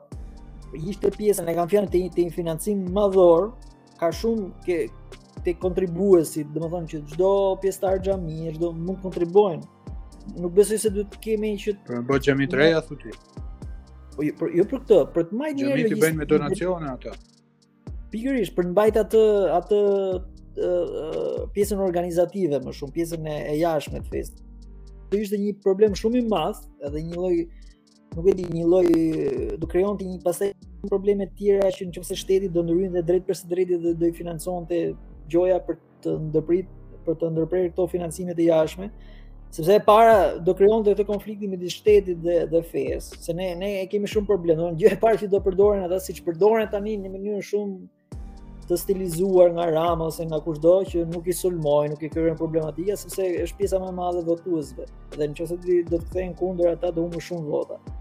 Edhe shkon e bën xhami, në gjuron në gjë, bën sikur është musliman Rama. Çështja është që kjo ça do bënte, do krijonte një konflikt shumë të madh midis fesë dhe dhe shtetit. Do unë nuk nuk më pëlqen ta ta kisha një gjë, sidomos një Mendoj që duhet të trajnohen në Shqipëri hoxhallarët. Kemi lloj lloj universitete. Për këtë jam shumë dakord. Kemi një universitet fetar. Për këtë jam shumë dakord që ne duhet të krijojmë një lloj tradite, ndoshta edhe ajo që the ti që të ketë edhe një lloj uh, muslimanizmi shqiptar, pra që të ketë një lloj edhe aspekti patriotik, që t'i japë një lloj ngjyrimi që feja bashkohet një çik me aspektin patriotik. Domethënë se janë gjëra që duhet shkojnë bashkë dhe që mund të ndikojnë shumë më shumë se sa një patriotizëm kështu në ajër i palidhur me asgjë, sepse është ndryshe pra, fjala, traditën tonë, traditën e atyre që i përmendi edhe Bleoni që e kanë ndërtuar Shqipërinë, muslimanë po.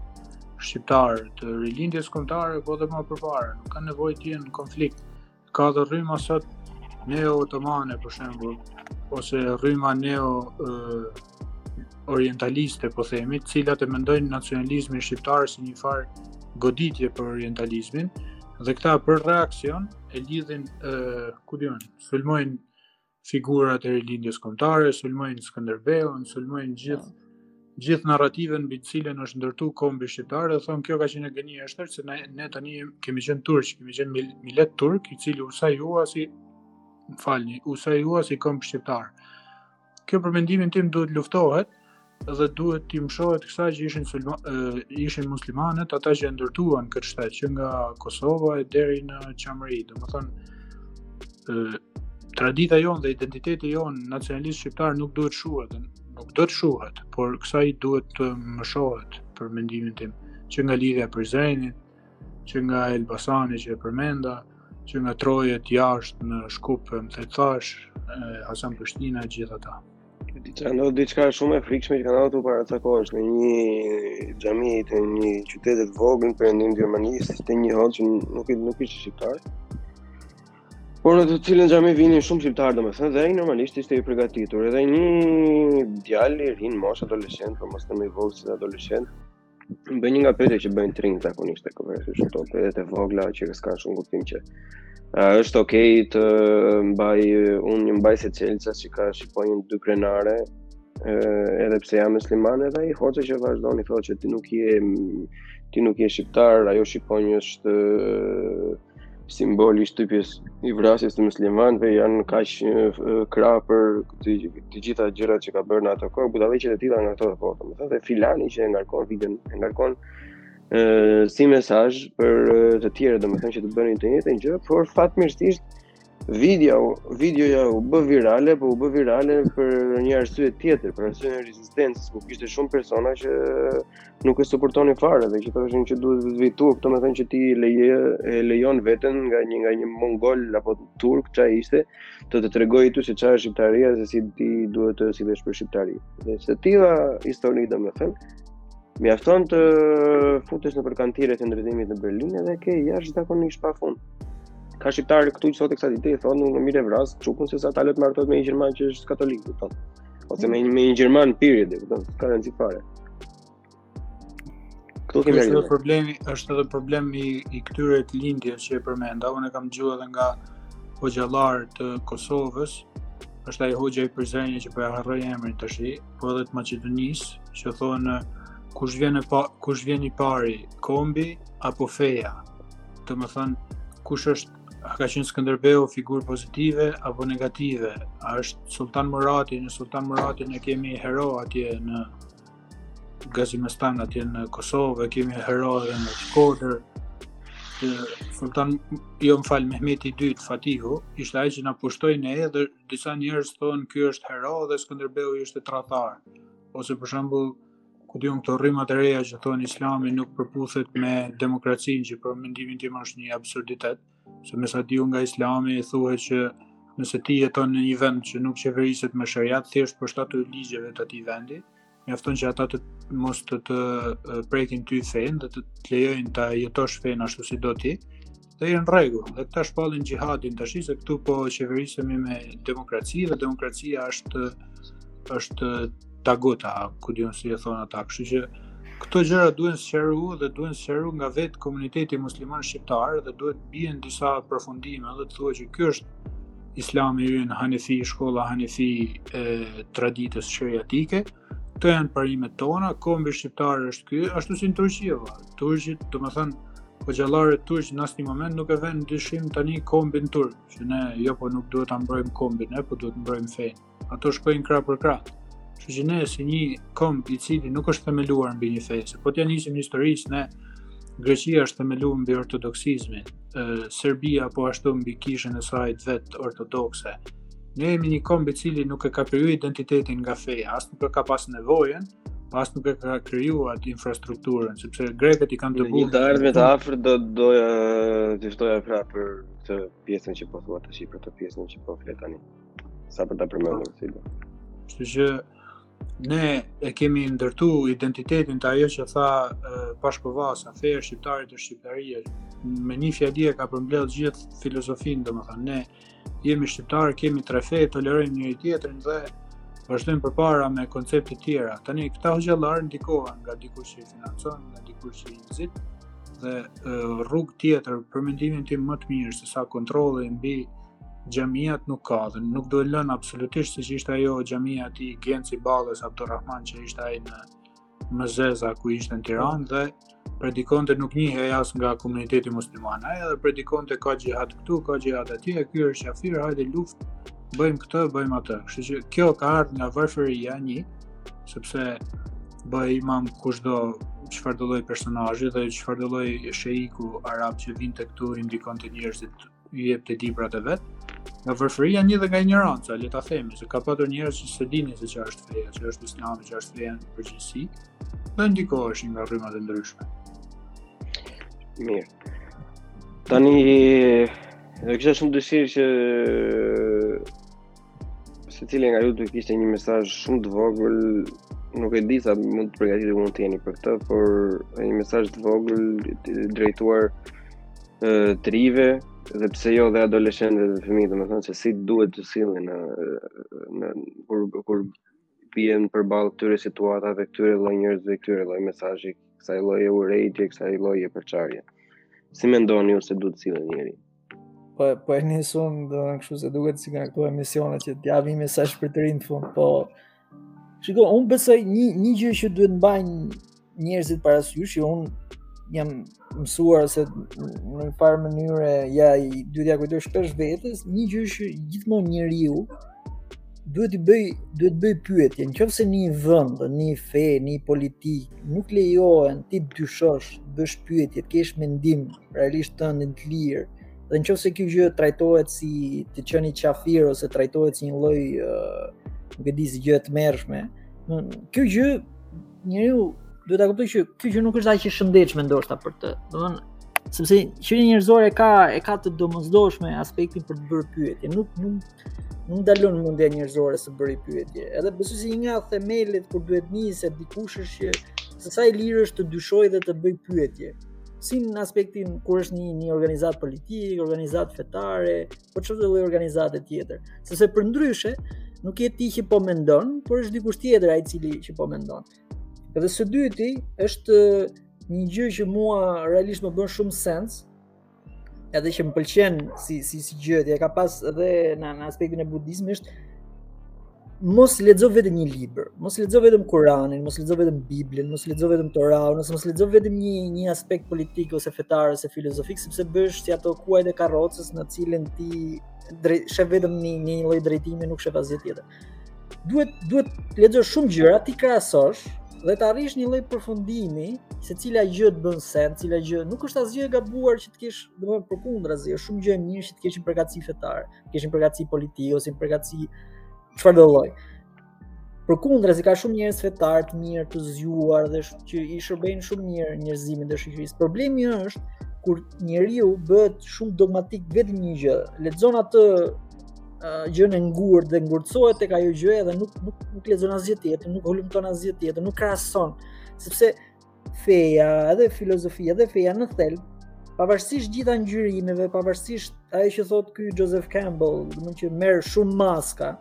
Çështja është që në thelb ka një lloj ngjashmërie tek fama e vet. Dhe në këtë aspekt duhet njeriu që t'i krahasojë e të lexojë pak a shumë gjitha dhe pastaj të arrijë një lloj konkluzioni tek ajo që do të do të jetë militant ose të jetë ë uh, të përkasë ose të jetë anëtar. Por, domethënë, këshilla në qoftë se ti nuk lexon, nuk heton dhe tjetrën që është ndryshe nga ty. Pra që nuk shkon për ty, të lexosh dhe shkencën, të lexosh edhe kritikën ndaj fesë, pa e quajtur qafir ose pa dashur ta djegësh në turrën e druve, pa qenë mesjetar. Kjo që për mua është shumë e shëndetshme sepse ti ça bën? jo vetëm konsolidon ndoshta dhe besimin dhe qasjen tënde, por krijon dhe një lloj dije sferike mbi qasjen se si e shikon njerëzimin në tërësi, se si e shikon tjetrin, sepse toleranca këtu fillon. Në qoftë se ti nuk di për tjetrin, bëhesh atolerant. Edhe e cilëson si që të duket si diçka e panjohur, si diçka e rrezikshme. Në momentin që ti e njeh se ça ça beson, ça edhe si një katolik, njeh goxha gjëra te një musliman, kupton që ndoshta kanë më shumë përbashkëta se sa ndryshime. Po këshilla është e para dysho, çdo gjë dysho, gjithmonë, domethënë çfarë lloj gjendje që ti je, në qoftë se ti nuk ke aspektin e dyshimit je, je kthyer në një qenie dogmatike që thjesht duhet marrësh informacion dhe ta zbatosh. Sidomos, si, si aspekti musliman unë shikoj tek muslimanizmi e shikoj shumë problematike këtë gjë sepse është shumë e ngurtë se sa kristianizmi. Domethënë është dhënë një dogmë 1600 vite më përpara dhe çdo gjë me pikë me presje nuk nuk ndryshohet. Dhe aspekti i dytë është që njeriu duhet krahasojë, duhet nëse nuk i vë një mollë, një shalqi përballë, t'i shikojë kush është më e mirë, nuk ka nuk ka si ta di, domethënë është do haj vetëm mollë gjatë gjithë jetës. Edhe për mua njeriu nuk duhet ndalet në asnjë moment së së së lexuari, së hulumtuari, së pari gjëra nga nga një dimension, nga një këndvështrim tjetër. Domethënë leximi i Kuranit dhe asgjë tjetër nuk të bën fetar të mirë, përkundrazi, bën fetar të keq. Leximi i Biblës, i Toratit vetëm atyre të kthen një njeri super dogmatik, domethënë është një kompjuter të cilit i ke dhënë një lloj manuali dhe nuk di gjë tjetër.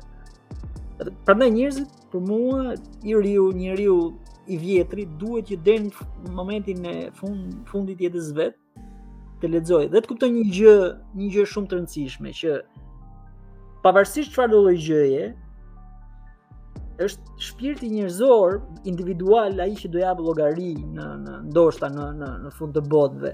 Dhe njeriu duhet këtë përgjegjësi ta ketë individuale, domethënë, ta pyes njëherë veten, nga ky aspekti i së shenjtës, ky, ky, ky mini zoti i vet që ka brenda, duhet ta pyes njëherë që këto gjëra që po bën, këto gjëra në raport me fenë, në raport me besimin tim, a ka një lloj qetësie brendësore ke ky zoti im i vogël brenda, Kjo besoj se është marrëdhënie e shëndetshme që diku është duhet lind, pastaj të kaloj tek feja, te misticizmi, te te transhendentja e madhe. Të lind te këtë marrëdhënie pyetje, dyshim, uh, hetim dhe pastaj këtë marrëdhënie me Zotin e vet të brendshëm dhe pastaj sepse nëse nuk e ka nuk ka një lloj drejtpeshimi të të brendësisë vet nuk mendoj që mund mund të ketë një lloj mund të bëhet një fetar i mirë. Ndryshe do jetë një dogmatik shumë i mirë që do bëj thirrje për xhihad, do bëj thirrje për për djegje, për vrasje gejsh, për për për gjëra të tilla.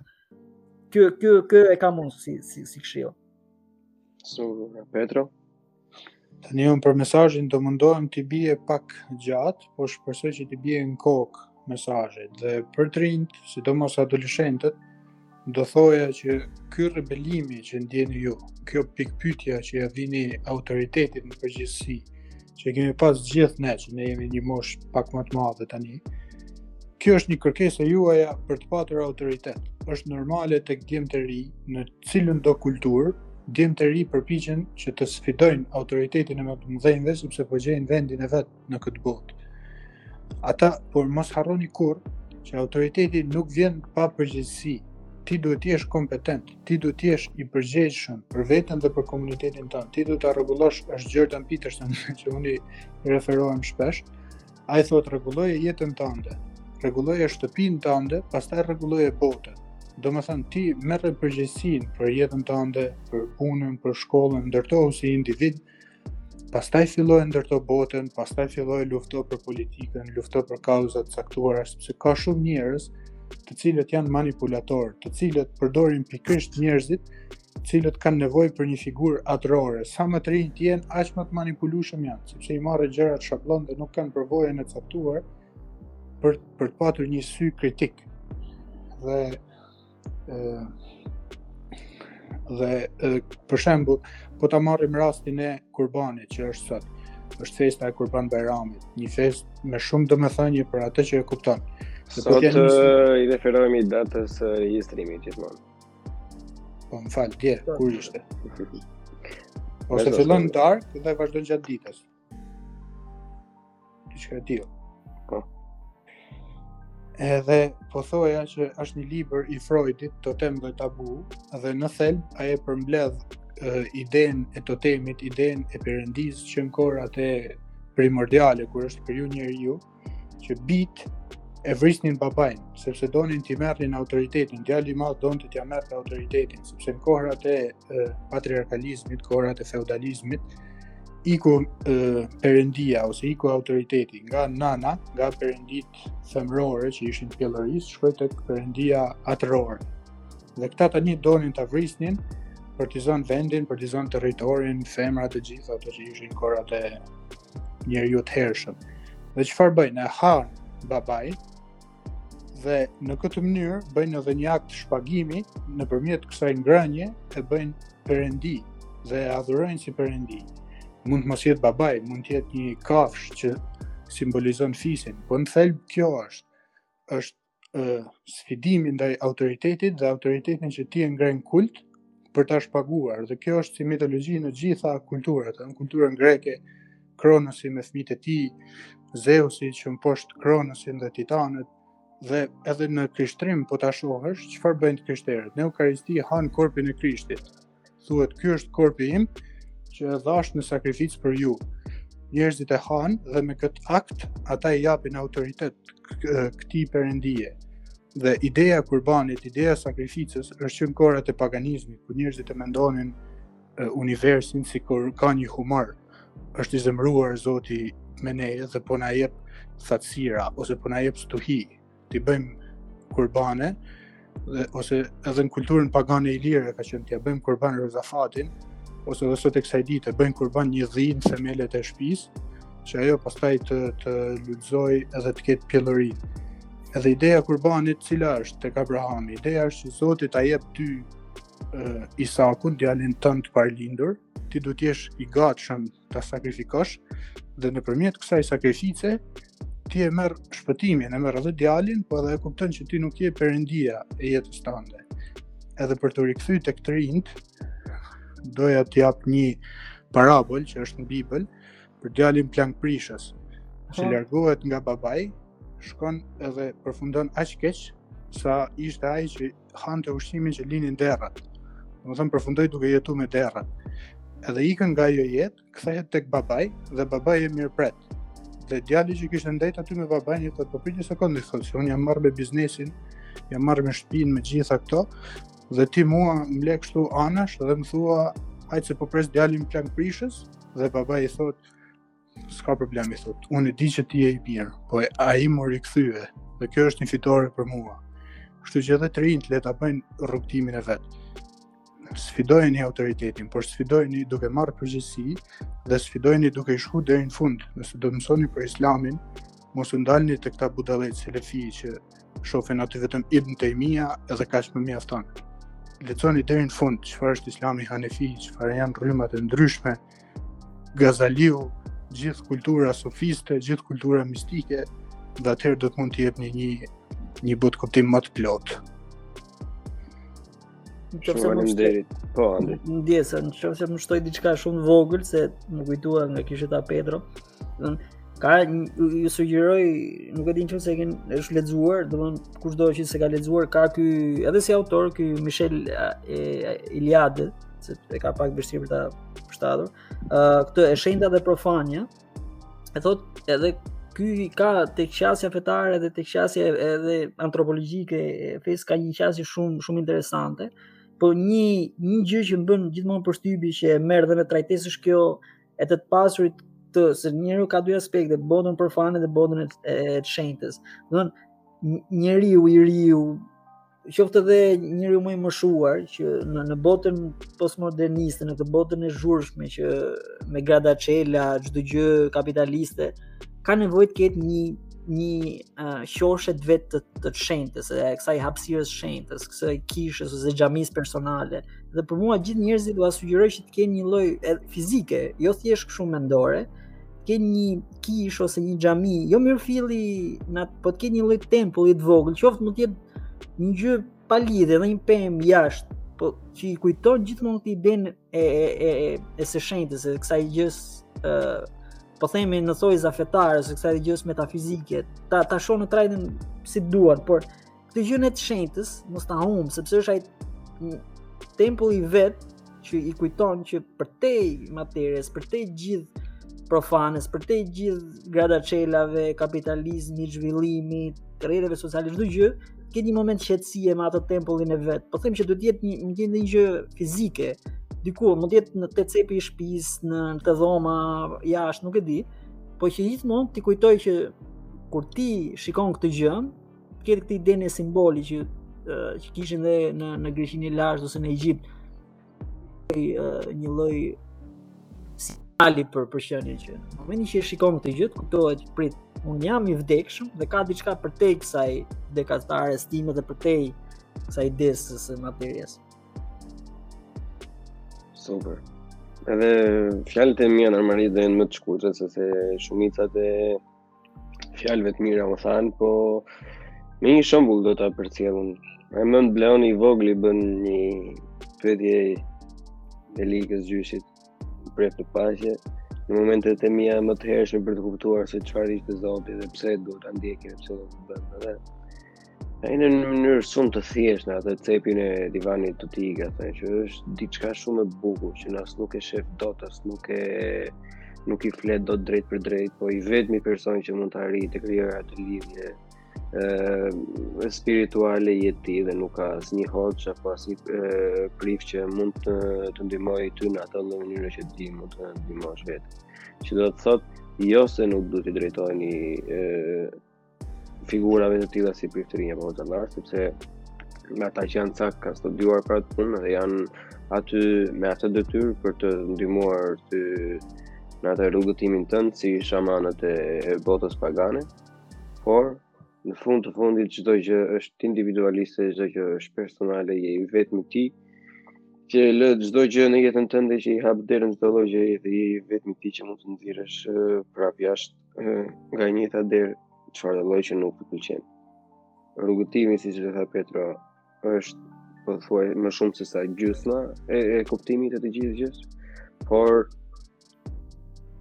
dhe të dini dhe faktin që për të qenë një njeri i denjë nuk ka nevojë të jesh pjesë e asnjë skuadre, nuk ka nevojë të jesh dogmatik, nuk ka nevojë të dashesh të bësh thirrje, nuk ka nevojë të bësh hashtag, Apo nuk ka nevojë të thuash që filani është turk, ai tjetri është grek, këta janë serb.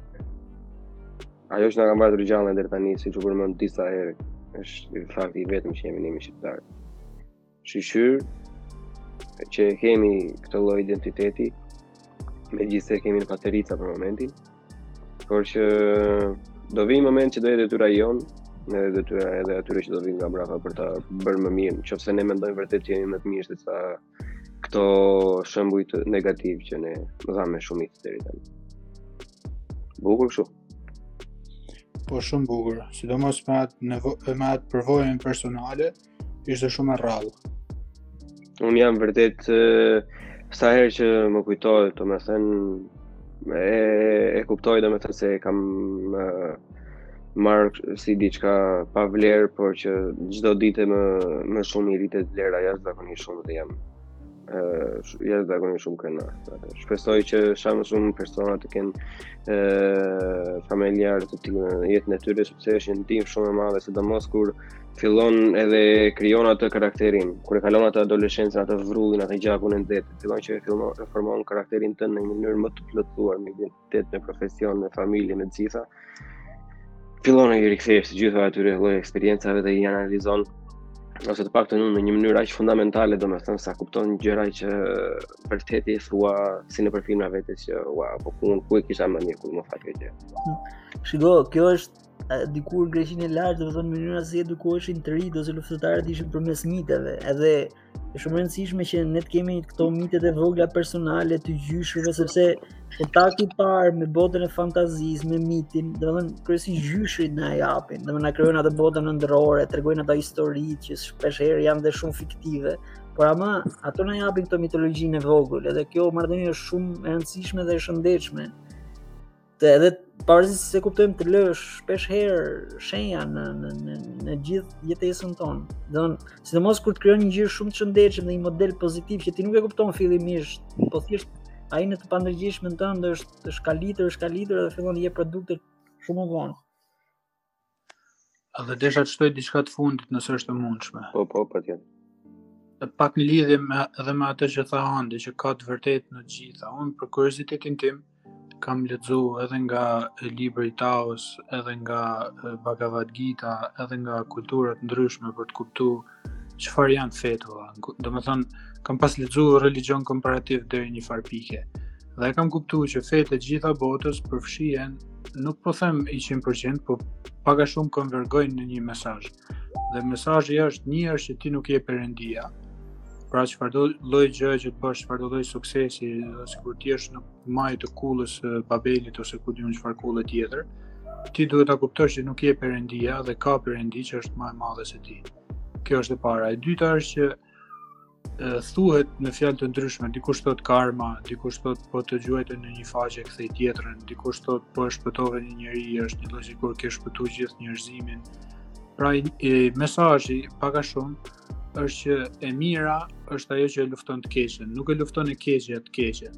Kështu që nëse ti bën mirë, disi do të kthehet. Dhe ato që po i thonë këto religjionet New Age, jo po karma, jo po yoga, gjitha të tjera, këto janë tek fetë tona tradicionale. Po të po të lexosh Naimin, do të lexosh gjithë panteizmin e mundshëm, Do t'i lexosh gjitha këto sekrete që i shpallin këta jo Kundalini e më the të thashë, dhe aty ke shumë, domethënë, kthejuni traditës dhe zbuloni se në traditë do të keni shumë dije të lashtë, po dije autentike, nuk është dije fast food, ose dije që po themi komerciale, që hajde doli një guru dhe po na shet ne tash dogmat e reja.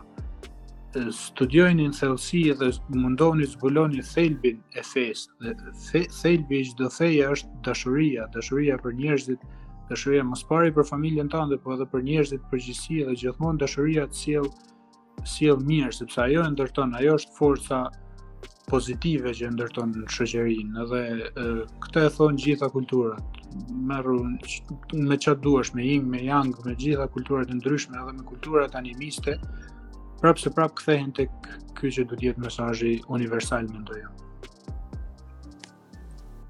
Unë jam shumë i kënaqur me këtë fjalim. Andi? Jo, jam jam shumë dakord sepse, domethënë për një gjë që thotë Platoni, s'e la dot pa përmend është që janë katër arketipe kryesore, domethënë të qytetërimit. Shkenca duhet të ketë detyrë të vërtetën, arti duhet të ketë të bukurën, politika duhet të ketë të drejtën, ndërsa feja duhet të ketë të mirën. Edhe në qoftë se nuk bëhet jo aspekti i të mirës, për mua feja e ka humbur thelbin e, e vet. Domethënë në qoftë se feja kthehet një lloj ndërmarrje politike, një gjë është, dhe aspektin e së mirës njerëzore, e tha shumë bukur Petra, dhe nuk, nuk luftohet errësira me errësirën.